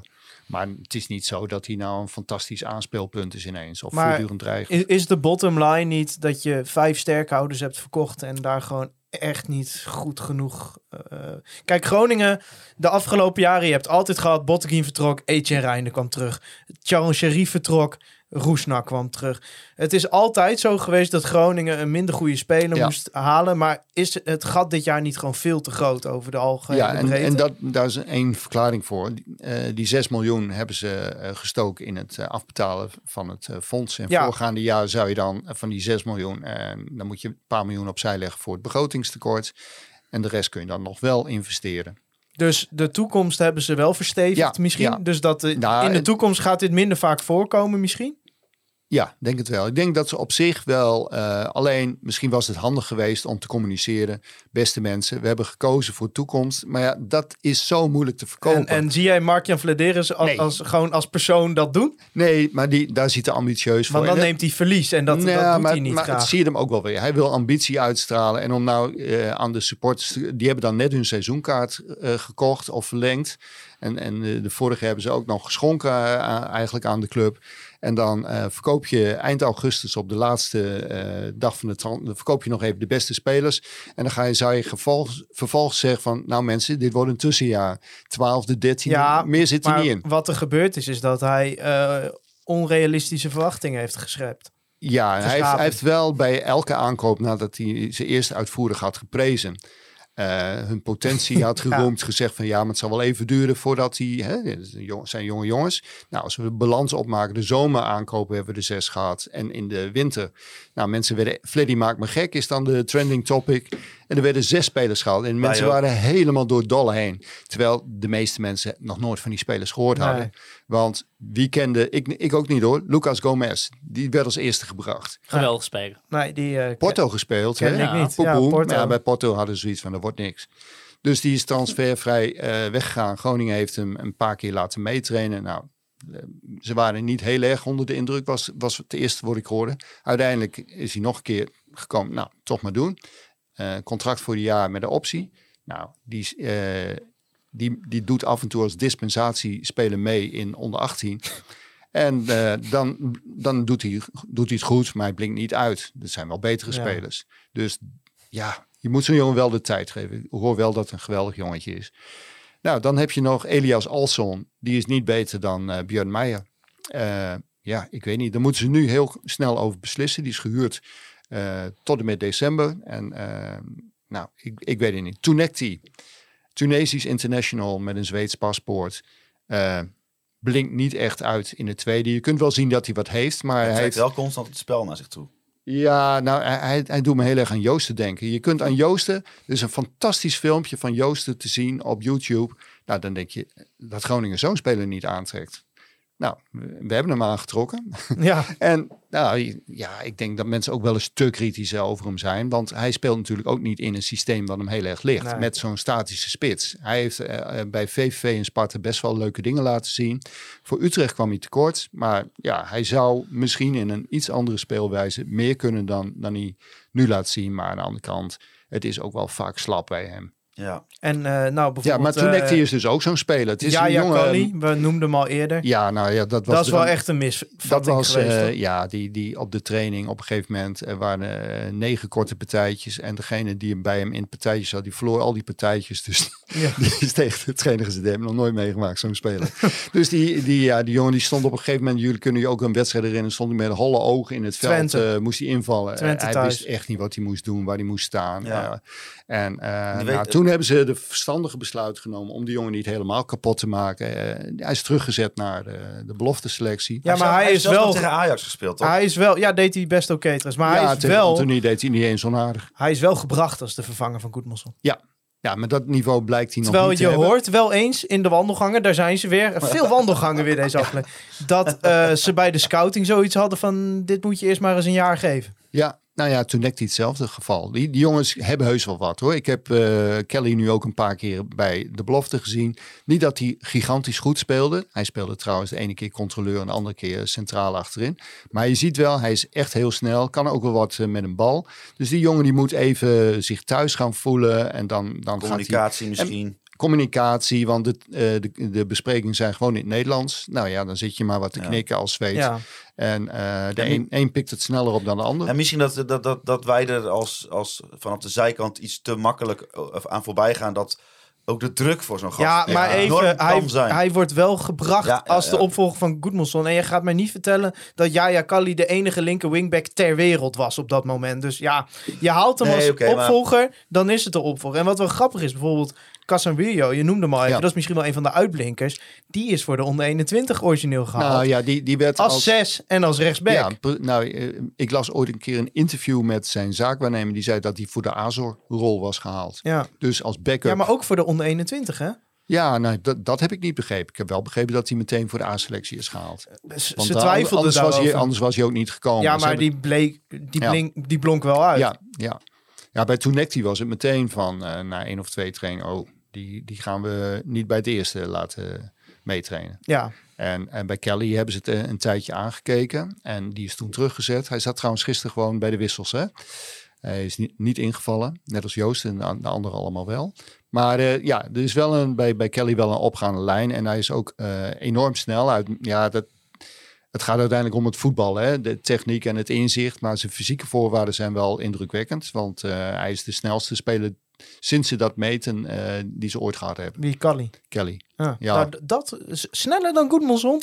Sneller dan Goedmanson. En de, de, Bestaat dat? Ja, sneller. Ja, de, die was niet eens de snelste. Goedmanson is, kon eh, ook nog een bal bij zich de, houden. de, ze- ze hebben dan bepaalde metingen. En, en de, de snelste was Joel van Kaam met afstand. En Ja. dat record heeft hij nog weer flinke eh, sp- spring, sp- sprongkracht. Ja, maar, maar, Maar uiteindelijk gaat- het is allemaal heel leuk en aardig. Uiteindelijk gaat het om eh, techniek, spelinzicht. En eh, dan, die andere dingen zijn wel heel prettig om te hebben hoor. Zijn altijd wapens. Dus de fysieke voorwaarden zijn er wel wat zijn er absoluut. Ja. Maar zo'n Casemiro, die is eigenlijk zeker in het begin de vervanger van Itakura geweest. Ja. Terwijl Swerko was de vervanger van Itakura. Ja. Maar ja, Van Sverko was ook al wel een beetje bekend. Hij had nog maar één jaar in de Ja, maar dat is met alle spelers Ze hebben altijd iets. Ja, ja ah, in Dritte Ja, liga. dat hoort bij FC Groningen thuis. Ja, of ze zijn half geblesseerd, of ze hebben geen maar je weet toch wat voorbereiding de gedraaid. dan morgen gaat zeggen, hè? Ja, anders zijn ze niet haalbaar voor ons. Ja. Ja. Ja, maar dat, dat betwijfel ik. De, de, de wereld is groter dan Scandinavië. Want Groningen fixeert zich wel heel erg op Scandinavië. Ze hebben nu tien spelers uit eh, Noorwegen, Zweden en eentje uit Finland. Nou ja, tien spelers. Ja, ik denk dat je ook wat, wat breder moet kijken. eh, dan alleen maar Zweden. Want Zweden, laten we wel zijn, eh, geen enkele club volgens mij meer in de, in, in de Europese competitie. Nee. Liggen er allemaal uit. Eh, het niveau is daar lager dan in Nederland. En dat is ook niet zo raar. 9 miljoen inwoners, we hebben er bijna 18. Dus dat, eh, eh, en je krijgt als Groningen niet toegang tot de allergrootste talenten, want die gaan niet naar Groningen. Je krijgt dus eh, Nou, dat zie je met de Carlson. potentials. Ja, nee, Carlson, die haal je al niet. En dat is al niet de absolute top, want die gaan dan... Maar bijvoorbeeld ook zo'n Patrick Berg, die nu bij uh, Beude Glimt, ja, Ja. die gaat ook naar Lens. Ja, Ja. dat is toch een club met iets meer geld. Ja, dat is het grote probleem. En het is ook niet makkelijk voor Flederis en consorten. Ja, Want, maar wat ik al zei, je, je, eh, je kunt wel hele goede spelers scouten. Alleen ik denk dat je wat breder moet scouten in meer landen. En, en zeker niet eh, eh, ook eigen land. Ja, Eh, maar heb je dan niet het gevoel dat Vladeris gewoon iets te veel van de spelers van hetzelfde kaliber heeft gehad? Nou, ook te veel spelers eh, die eigenlijk niet het FC Groningen DNA hebben. Spelers die slap zijn in de duels. Daar heb je er veel te veel van in de huidige selectie. Er zijn maar een paar spelers die, eh, nou, die echte, die- de zeefuikjes, de Memisevic, die zie ik niet. Nee. De Matusiwas. En de speler op de zespositie is er helemaal niet gekomen. Nee. En de speler op de linksback eigenlijk ook niet. Als je meerekent dat Kali uiteindelijk een onder 21 speler werd. Ja, Al nou ja, snel ook. eigenlijk zijn de, de worst case scenario's van al die spelers uitgekomen. Ja, dat is wel een ook goede Iran, conclusie, Iran ja. Doest is, eh, ja, we hopen dat hij, nou ja, we hebben het weer gezien. Eh, hij is een tijdje fit en dan krijgt hij weer last van dit en dan krijgt hij weer last van dat. en- en en dat is al jaren zo met die jongen. Hij Hij kan- verloor toen tegen Helmond Sport, verloor hij gewoon een sprintduel van de allersloomste verdediger van Helmond Sport. Hè? Ja, nou, het is, ja ik, je ziet wel dat hij wat kan en dat hij techniek heeft. Maar ik zie, ondanks dat hij dat heeft, hem ook eh, geregel, regelmatig een technische fout maken. Ja, ja, zeker. Dus, eh, Ballen die heel ver van zijn voet. Ja, die ballen, die, dat vind ik heel bijzonder aan hem. Dat is toch een, beetje het paradepaardje Ja. van uh, Vladeris. Die kwam op een troon binnen. Ja, het is vervelend om het eh, nu tegen ze te gebruiken. Want wij vonden op zich die presentatie eh, prima leuk bedacht. Maar ja, Ja, maar het is dat- wel de manier waarop je hem aangekondigd hebt. Ja, maar dat, was, dat is, schijnt dat ook niet zo heel goed te zijn gevallen in de groep. Dat heeft niet het eh, integratieproces bevorderd. Nee. Zo'n speler die dan... Trouwens ook zo'n ding, als we terugkijken naar het buis-Vladeris conflict, Ja. zeg maar, ook Ja. daar stonden ze Nou, tegenover elkaar. Dat, dat denk ik zeker. Dat is ongetwijfeld Terwijl wat van gezegd. Vladeris heeft toen een dag later eh, in de liveshow van FC Groningen gezegd: Ik was het niet eens met die presentatie. Maar hij was er zelf bij toen die presentatie werd bedacht. Ja. En hij heeft het goedgekeurd en Ja. hij vond het mooi. Ja. Het was ook mooi. Ja, ik vond het ook wel oké. ja, maar maar ja. achteraf heeft de technische staf gelijk gekregen. ja, technische staf had zoiets van deze jongen heeft zo lang niet gevoetbald. Hij komt van een, een clubje als Hekken. Nou, daar zitten een soort RKC, zeg maar, 5.000, 6.000 mensen. En dan moet je ineens in de eredivisie spelen bij, bij een, toch een grote club. Eh, ja, dan, dan mag je toch niet verwachten als iemand zo lang niet gevoetbald heeft dat hij meteen dat niveau kan halen. Dus die spelers die dachten ook, wat is dit? Is dit nou de nieuwe koning? Ja. Maar welke speler, En wij dan? Wel, maar welke speler is dan het meest tegengevallen, vind je? Of van wie had je misschien wel wat iets meer verwacht? Eh, eigenlijk van geen van die eh, jongens. Van I- Iran dus kende ik niet. Nee. Ik had, eh, wat ik van hem wist was dat hij meestal geblesseerd was of, of geopereerd moest worden. En dat Marijn, Marijn Slachter al tien jaar... Wat dat betreft heeft hij wel aan de verwachtingen voldaan. Nou, eigenlijk wel ja. Duarte hetzelfde verhaal. Duarte was gewoon een reserve achter Ouassar. Nou, dat is toch niet de geweldigste speler. Nee, maar ook ander type. Hè? Dat is ook maar net wat een jawel, trainer jawel, maar je hebt Haroui op zes. Die, die duels won en kon voetballen. En Ja. daarnaast heb je dan Ouassar, die ja, eh, is eigenlijk ook een verdedigende trainer. Ook zo'n type is. Vooral ballen veroveren. En daar zat hij dan naar achter. En hij kan best goed voetballen. Dat, dat eh, is vrienden en vijand het over eens. Alleen ook een jongen die een beetje slap is in de duels. En ook niet echt een uitstraling heeft van, een- van een winnaar. Het, ja, het moet allemaal goed lopen. En als het goed loopt, dan kan hij geweldig voetballen. Maar zit het tegen, dan, ja, dan is hij niet een speler die eh, voorop gaat in de strijd. En wij hebben het ook al een lange tijd al gehad over het aanvoerderschap van Moel Koeri. Hij werd aanvoerder tijdens de wedstrijd tegen Herenveen. Dat was eh, natuurlijk eh, na drie wedstrijden dat de Azo Matsuwa eh, vertrok. Ja. Hoe, hoe kijk je nu naar zijn aanvoerderschap? Want het, staat wel een beetje onder druk. Ja, ik ben het wel een beetje eens met wat eh, eh, William Pomp heeft geschreven. Want het is Ja. een beetje geforceerd. Eh, hij was wel een beetje het, eh, het paradepaadje. Hè? Een jongen die eh, hier- toen hij hier kwam was, een, ja, een, je blies hem zo omver. Die heeft zich fysiek enorm ontwikkeld. Heeft ook eh, heel lang best goed gespeeld. En eh, vanaf het moment dat eh, al die waarderingen kwam, was het ineens over. Eh, Ja. Had hij ook een paar wedstrijden dat ik dacht van, wat markeert hem? Hij, hij schakelt niet meer om, hij gaat duels niet meer aan. Ik weet niet, ik denk niet dat dat aanvoerderschap eh, hem goed heeft gedaan. Hij, hij vindt het niet fijn om, om de pers te woord te staan. Hij speelde laatst als, als een van de weinigen goed. En eh, hij had voor zichzelf het gevoel waarschijnlijk, nou, ik heb toch eigenlijk best wel lekker gespeeld. Ik heb een doelpunt voorkomen. Ik heb een doelpunt gemaakt. Vijf minuten voor tijd en een belangrijke penalty. Tegen Excelsior En ik heb een assist over, ja. gegeven. Dus ik heb eigenlijk best wel lekker gespeeld. En dan komt er zo'n journalist die zegt van, nou, het was allemaal niks, hè. En toen, hij dacht waarschijnlijk, nou, zo slecht was het toch allemaal niet. Want hij, Nee. hij, hij was nog een van de weinig goeie. Ja.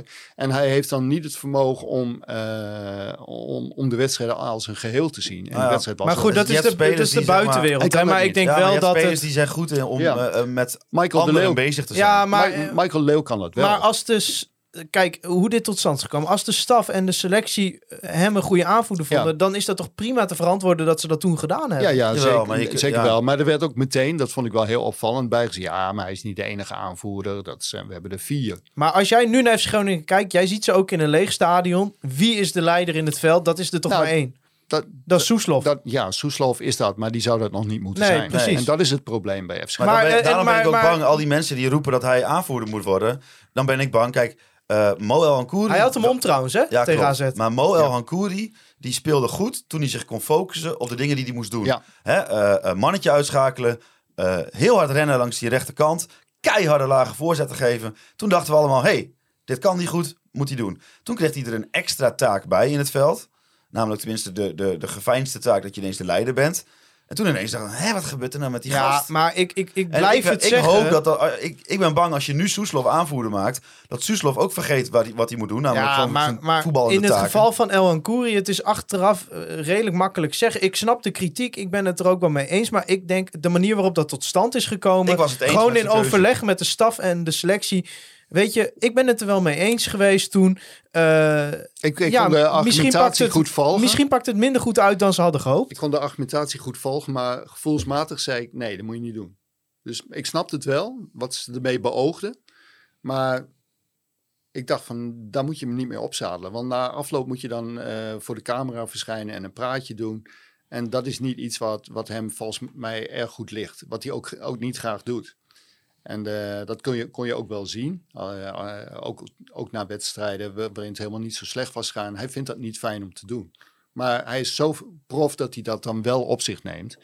En ja, Ja. dat moet ook.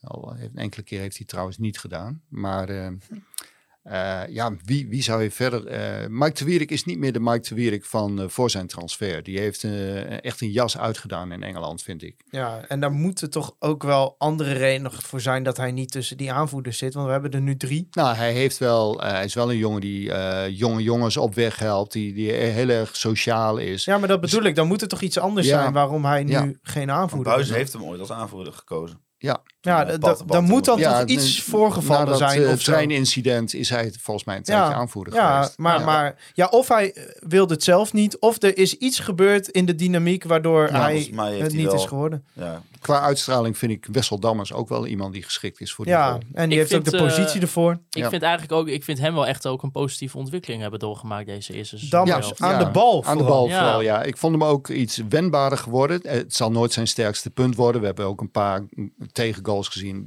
Daar viel toch wel weer op dat hij moeite heeft in de grote ruimte om, om te draaien. Nee, maar het ik, is qua draaizeker aan de bal, aan de bal vind ik hem, eh, ja, ook zelfs aan de bal ziet Ja. het allemaal wat, ziet het er minder hoekig uit. En hij heeft best wel een goede eh, trap. Eh, hij eh, heeft eh, ook een paar assists op zijn naam. Kan, is denk ik de beste kopper. Ja. En ehm, ja, ik vond, vind dat hij wel een, een, een, een speler is die ook in, een, in FC Groningen goed zou mee kunnen draaien. Hè, dan, dan is hij een van de stabiele, van, van die spelers die niet gauw naar het buitenland zouden gaan. Maar die dan ondersteunend zijn. Zoals de Wierik dat ook was eigenlijk, voordat hij naar Engeland ging. Met Misfiets was veel bepalender dan hij. En dan kan de Wierik daar uitstekend in meegaan. wel bij Te Wierik aan denk, die verdienen natuurlijk best wel veel geld bij Derby County. Ja. Hoe zit dat nu? Hoeveel verdient hij? Ja, ja die, eh, die is wel meer gaan verdienen dan in zijn vorige periode. Ja. Ja, dus dat is wel voor een speler die niet eens onbetwist basisspeler is, kun je daar wel aan denken. Is het nou wel zo verstandig geweest om hem terug Nou te ja, halen? er waren ook wel mensen binnen de club die zeiden, moet je dat nog wel doen? Want eh, als je be- beter voetbal wilt gaan spelen... Ja, dan heb je er niets aan. Nee, Mike is iemand die zich eh, heel goed kan vastbijten in de tegenstander. En is gewoon een goede verdediger. Maar hij voelt zich heel ongelukkig als hij uh, de beslissende inspeelpaas moet geven. Die stelt hij ook het liefst uit. En dan, uh, ja, wat hij dan vaak doet, is de, de, de doorgeschoven rechtsback aanspelen op het moment dat hij de bal niet moet hebben. En dan ja. krijgt, hij, krijgt hij meteen weer terug.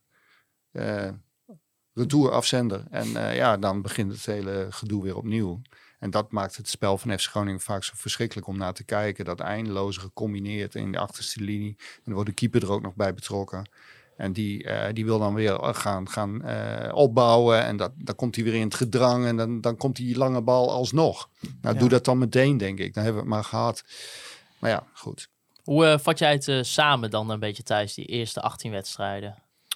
Voetballend degradatieniveau op de ranglijst niet degradatie. Maar heb je, heb je ook nog een hoogtepuntje? De, de, heb je op een moment nou, ik wel vond, genoten? Naar het stadion weer was natuurlijk een hoogtepunt. Uh, die wedstrijd tegen Utrecht vond ik Groningen echt heel ja. goed.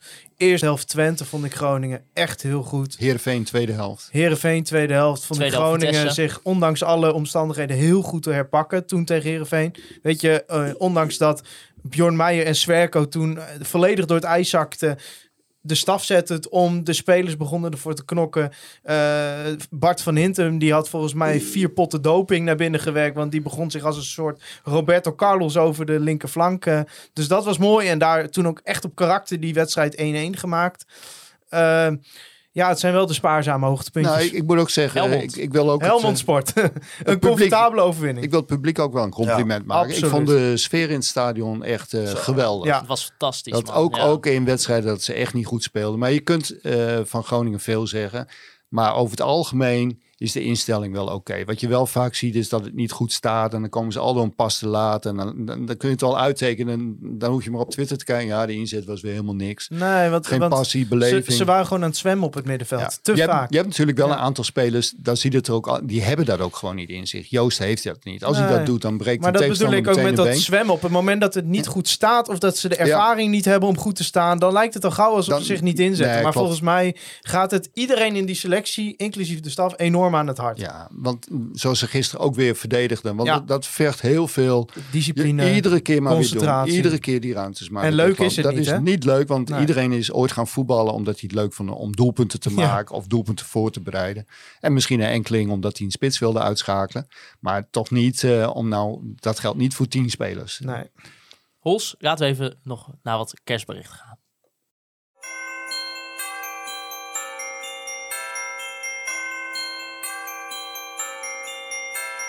Mijn naam is Bram Douwes en ik wens alle luisteraars van de Kom Binnen podcast hele prettige kerstdagen. En voor 2022, god betert eindelijk weer eens Groningen thuis pressievoetbal. Hey luisteraars van uh, Kon Veel Minder de podcast. Ik zal proberen langzaam te praten. Ik wens jullie allemaal eh, fijne feestdagen en een mooi 2022. Eh, groetjes van jullie favoriete clubwatcher, Reon Boeringa. Hier Neil Peetsen van FC Afkikken. Ik wil eh, de trouwe luisteraars en volgers van de allerbeste FC Groningen podcast ter wereld het eh, allerbeste wensen voor 2022. Heel veel geluk en gezondheid. Natuurlijk fijne feestdagen. En dat onze FC in 2022 eh, het beter doet dan aan het einde van 2021. En vooral hoop ik dat we eh, een stabieler beleid gaan krijgen wat betreft trainers, assistenttrainers en nieuwe aankopen. Maar eh, ik wil gewoon iedereen heel veel geluk toewensen. Dat is het allerbelangrijkste. En ooit komt het goed met de FC. Want we komen samen terecht op de grote markt.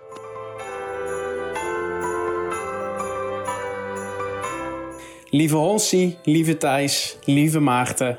Ook vanuit het verre Brabant, namens de enige seizoenkaarthouder van de FC in Tilburg, wil ik jullie fantastische feestdagen wensen en alle moois voor 2022.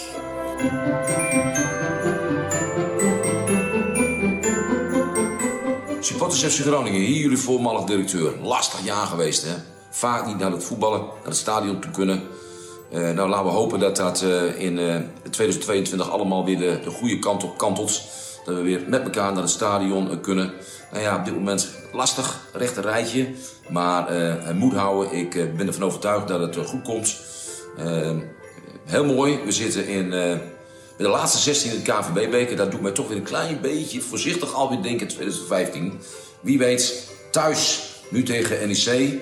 En ja, als we die winnen, heb ik begrepen dat er ons dan een thuiswedstrijd weer wacht in de kwartfinale.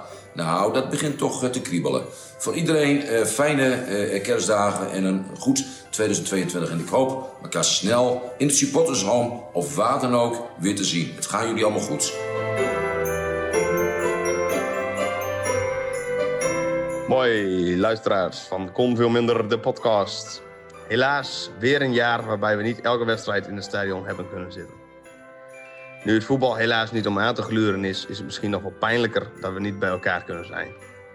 Gedeelde smart is immers halve smart. Gelukkig staan we aan het eind van het seizoen gewoon op de grote markt met een klein denne appeltje. Dus dat verzacht de pijn. In ieder geval wens ik jullie prettige kerstdagen en het beste voor het nieuwe jaar. Dit was B-Trip met de welgemeende kerstgroet van het jaar.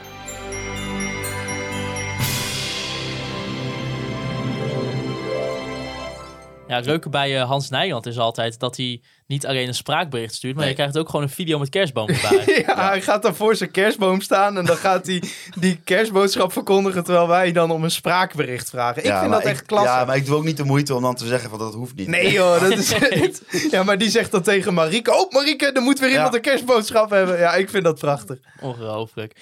Eh, daarmee kunnen we ook even gaan naar het eh Online Retail Company moment van de week. Hoorde heeft Hols de knop niet, hè? Het Online Retail Company moment van de week.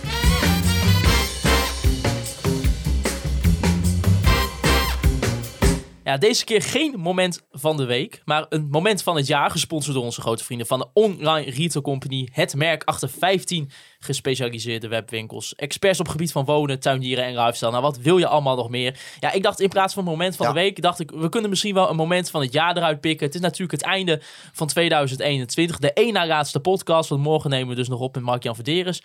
Hols, is er nou iets van dit gerelateerd aan FC Groningen wat jouw moment van het jaar was? Zeker, dat was denk ik het moment van, eh, eh, nu wordt het sentimenteel, van de eh, spandoekactie voor de dochter van Bart van Intem. Ja, dat was prachtig. Dat was even kijken tegen Vitesse, hè? Volgens mij, ja.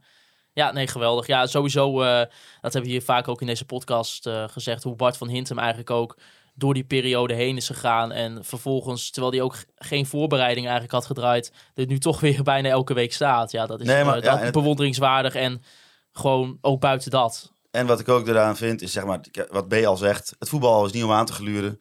Maar zo'n avond als dat, en als je dat dan met z'n allen doet, dan denk je van ja, het maakt eigenlijk ook niet heel veel uit. Wim, heb jij ook een bepaald FC Groningen moment Nou, van dit eigenlijk jaar? heb- dat heb ik net al genoemd. Ik, ik vond, eh, ja, het voetbal is eh, vaak niet leuk geweest, maar hoe het publiek zich manifesteerde, dat vond ik echt geweldig. Dan, eh, ja, dan zit je daar op de perstribune en dan zit je tussen de sponsoren en dan zie je hoe die mensen meeleven. En ook andere tribunevakken meekrijgen. Dan, dan, ja, twaalfde man, dat bestaat dus echt. Ook in Groningen. Thijs? Ja, dat vond ik wel heel mooi. Ik ben het met deze beide momenten ontzettend eens. Eh, ik heb een ander moment. Eh, eigenlijk, ik, ja, het liefst had ik allemaal momenten gekozen. Ik vind het sowieso van een heel jaar één moment kiezen. Maar wat mij ten eerste, te, als eerste te binnen schoot... eh, het interview met Arjen Robben na de 4-0 uit bij Emmen. Dat hij zich kwetsbaar opstelde. Dat daar een van de grootste sportmannen ooit in Nederland... en ik denk de grootste sportman ooit in Noord-Nederland... daar staat teruggekomen om zijn clubje te redden. En op het moment dat we het keihard nodig hadden om die play-offs te halen, eindelijk een keer het op het veld kon laten zien. En daarna zo'n interview. Ja, weet je, eh, maakt mij het er reet uit dat de Wierik dan niet kan opbouwen. Weet je, dat zijn gewoon momenten, dat zijn de krenten in de pap die het altijd leuk blijven houden om voor FC Groningen te zijn. Ja, ik had dan eh, een, ik heb ik had een aantal momenten, ook eh, voor Peter van Dijken die het gedicht schreef, had ik een aantal momenten opgenoemd. Maar wat ik dan nog heb om, om en anderen daarop eh, aan te sluiten, is toch ook het eh, moment dat we allemaal op de grote markt stonden tijdens het jubileum, het 50-jarig ju- jubileum. S'avonds, ik denk dat was eigenlijk begin, eh, begin zomer eh, natuurlijk. Ja dat, dat, eh, ja, dat vond ik zo ongelooflijk vet. Met het, met het vuurwerk erbij. En op die grote markt. En eh, ja, ik weet niet, alles, alles klopte die avond gewoon. Ik vond dat, eh, ja, ik vond dat zelf eh, echt prachtig. Ja, zo kun je wel tien momenten noemen inderdaad. Ja. Er is er genoeg gebeurd wat echt eh, een hoogtepunt te noemen is dit jaar. Erik Nefland die een paar baksbier Apels. Eel naar, naar binnen tikt. Ja, ik moet wel zeggen, voor mijn moment heb ik echt meer het laatste half jaar gepakt. Maar nu jullie zo beginnen, denk ik, oh ja, het was toch eigenlijk best wel een leuk jaar, ondanks heel Corona, veel ja. corona en slecht voetbal. Ja, het eindigt nu kut, hè? Omdat je gewoon weer in die lockdown zit. Ja.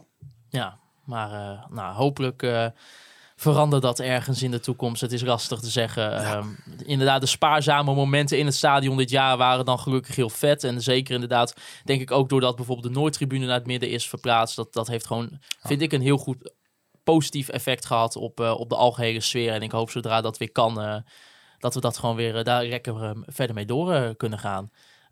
Wim, ik wil jou bedanken voor de komst naar onze studio. Wil je nou meer? Tot volgende maand, eh, wilde ik alvast zeggen. De maand met masker. De maand met masker. Met masker. Oh ja. Drie keer allitereren. De code Thijs, wat is die? Wat, wat, hoe kunnen de mensen korting krijgen voor dit? Kerst 2021. En Aan als je dan voor een jaar afsluit, dan heb je gewoon drie maanden korting. Gewoon een heel seizoen korting. Ja, mooier wordt het toch niet? Jezus, zo enthousiast, nou, daar kan je niet meer weigeren, denk ik. Ja, en, als je voor een maandje eh, per maand wil betalen, dan eh, heb je gewoon in januari de eerste maand met masker gewoon helemaal gratis. Ja, het kan zijn op het moment dat je dit luistert dat ook al de podcast met Mark-Jan Verderes eh, online staat. Die nemen wij eh, donderdagochtend om half tien op bij het uh, Topsport Zeg dat nou Zorgcentrum. niet, komen mensen kijken en eh ruzie zoeken en weet ik veel wat. Oh ja, eh, nou kom gewoon niet. Ik Wij zeg- nemen op op een geheime locatie. Locatie. Om half Ja. negen. Het is een heel groot groen gebouw aan de A7, maar we vertellen niet waar het is. Nee, nee, die podcast komt er nog aan. Dat is dan echt daadwerkelijk wel. Tenminste, daar ga ik nu nog even vanuit. Tenzij er echt iets heel geks weer gebeurt in FC Groningen. want Je weet het me nooit. Is dat echt de laatste podcast eh, van het jaar?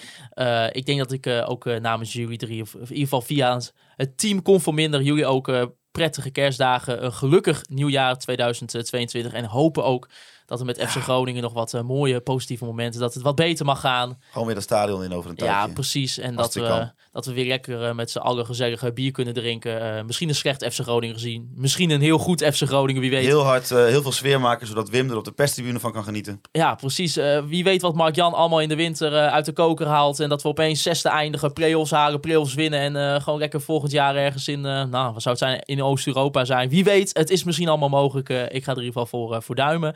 Blijf vooral ook nog even luisteren.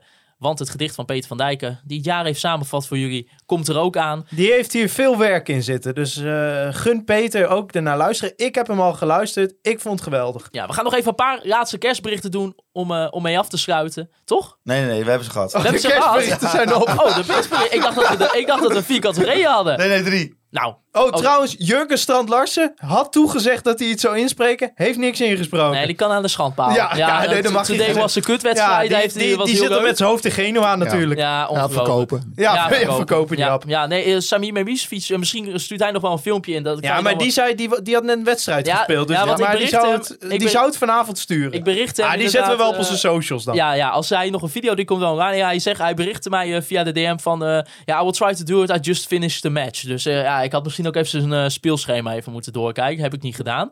Maar eh, ja, nogmaals, eh, tot morgen.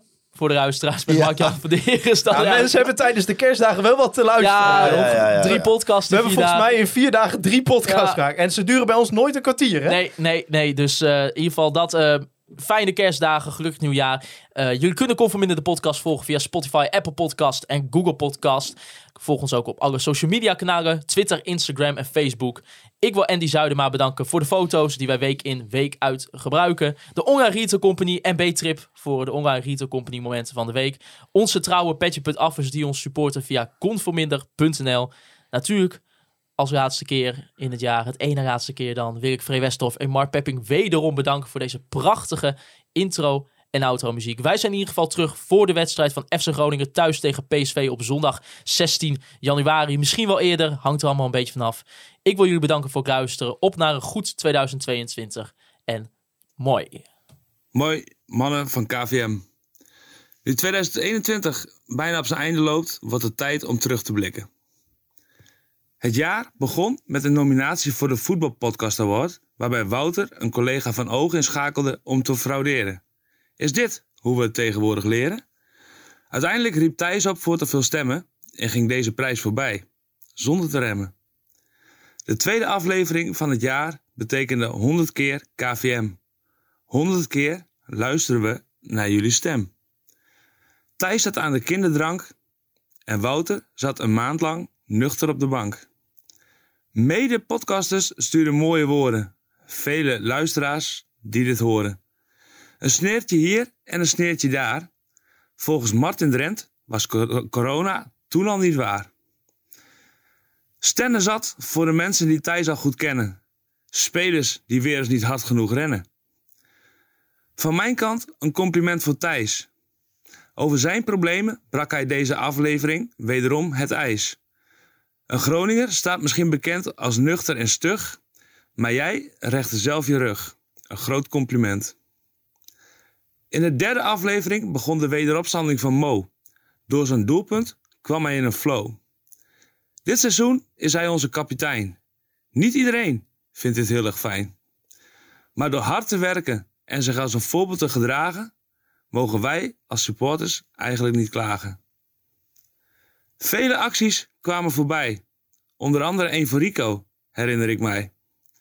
Groningen is veel meer dan een voetbalclub alleen. Dat zien we overal om ons heen. Supporters staan hier vaak schouder aan schouder. En na een wedstrijd zijn we vele jaren ouder. En eh, weten jullie nog waar jullie waren op 9 mei? De man uit Bedem snelde toen Emmen voorbij. De man van glas of de beste ooit? Beter dan toen zagen we hem dat seizoen helaas nooit. Twee assists en die grote lach maakten toen onze dag. Robin, held, bedankt. 9 mei was een hoogtepunt op het veld. Die weken na zaten jullie met een oude held. Ferdy en Nefland kwamen op bezoek om te praten over het nieuw verschenen boek. Het einde van het seizoen was daar. Na Utrecht uit was het helaas klaar. Geen feestje bij de Martini-toren. Daar waar we snel weer horen. Gaan we door naar de Poldervaartgate. Interesse van de graafschap is wat hem vleet. Adrie wilde graag weer op eigen benen. Maar Freddy's nee deed hem wenen. Maar Adrie, luister goed. Wij supporters waarderen wat je doet. Jouw tijd als hoofdcoach komt vast snel. Wanneer er weer een club trekt aan de bel. 16 juni vielen wat te vieren. Met veel vuurwerk en wat bieren. Een lintpiro vanaf het oude en nieuwe huis bracht ons op de grote markt weer thuis. 50 jaar groen en wit. De club die in onze harten zit. Toen gingen de heren stiekem op reis. Het supportersverbod in Duitsland stelden ze niet op prijs. Osnabrück en Ankem waren de plekken waar ze moesten staan achter de hekken. Bier kwamen ze daar bij je leveren. Daar hoor je, no daar hoor je hols nooit over zeveren. Net als bij de Deadline Show kregen we een dubbele ton cadeau. Toen kwam er een verslag uit Rolde, waar Henk Veerman over zijn eigen benen tolde. Een overwinning op de blauw-witte en we gingen er eens goed voor zitten. De start van het huidige seizoen. De heren gingen de dingen wat anders doen. Ze roken aan het grote geld. Is dat nou echt alles wat telt? Ze hebben hun ziel aan de betaalmuur vergeven.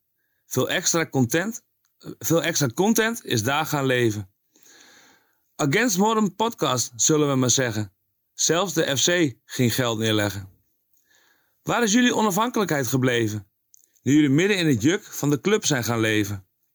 In samenwerking met de FC volgden alle pijlers uit het, uit het beleidsplan gedwee. Sportief, economisch, maatschappelijk en de mooiste evenementen kwamen voorbij, vooral die centen.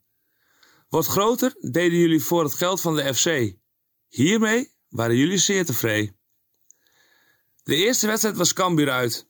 Een prachtige omhaal bracht ons de volle buit. Heerlijke ontlading in een vol uitvak. Deze drie punten zaten in de zak. Toen hadden we nog de hakbal van Cyril, die plots fantastisch in de netten viel. Helaas waren Thijs en Maarten toen in België met voetbalkaarten. Inmiddels zijn de stadions weer, stil, weer leeg en stil. Dit is echt wat niemand wil. De pandemie zorgt voor veel verderf, zelfs met de Noordtribune in nieuwe verf. Laten we hopen dat COVID snel gaat vertrekken.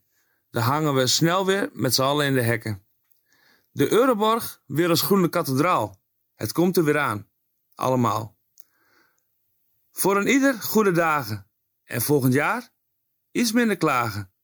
Positief en de club op één. Wat mooier is er geen. En of dat is met of zonder buis, die heeft met Flederis wel eens wat ruis.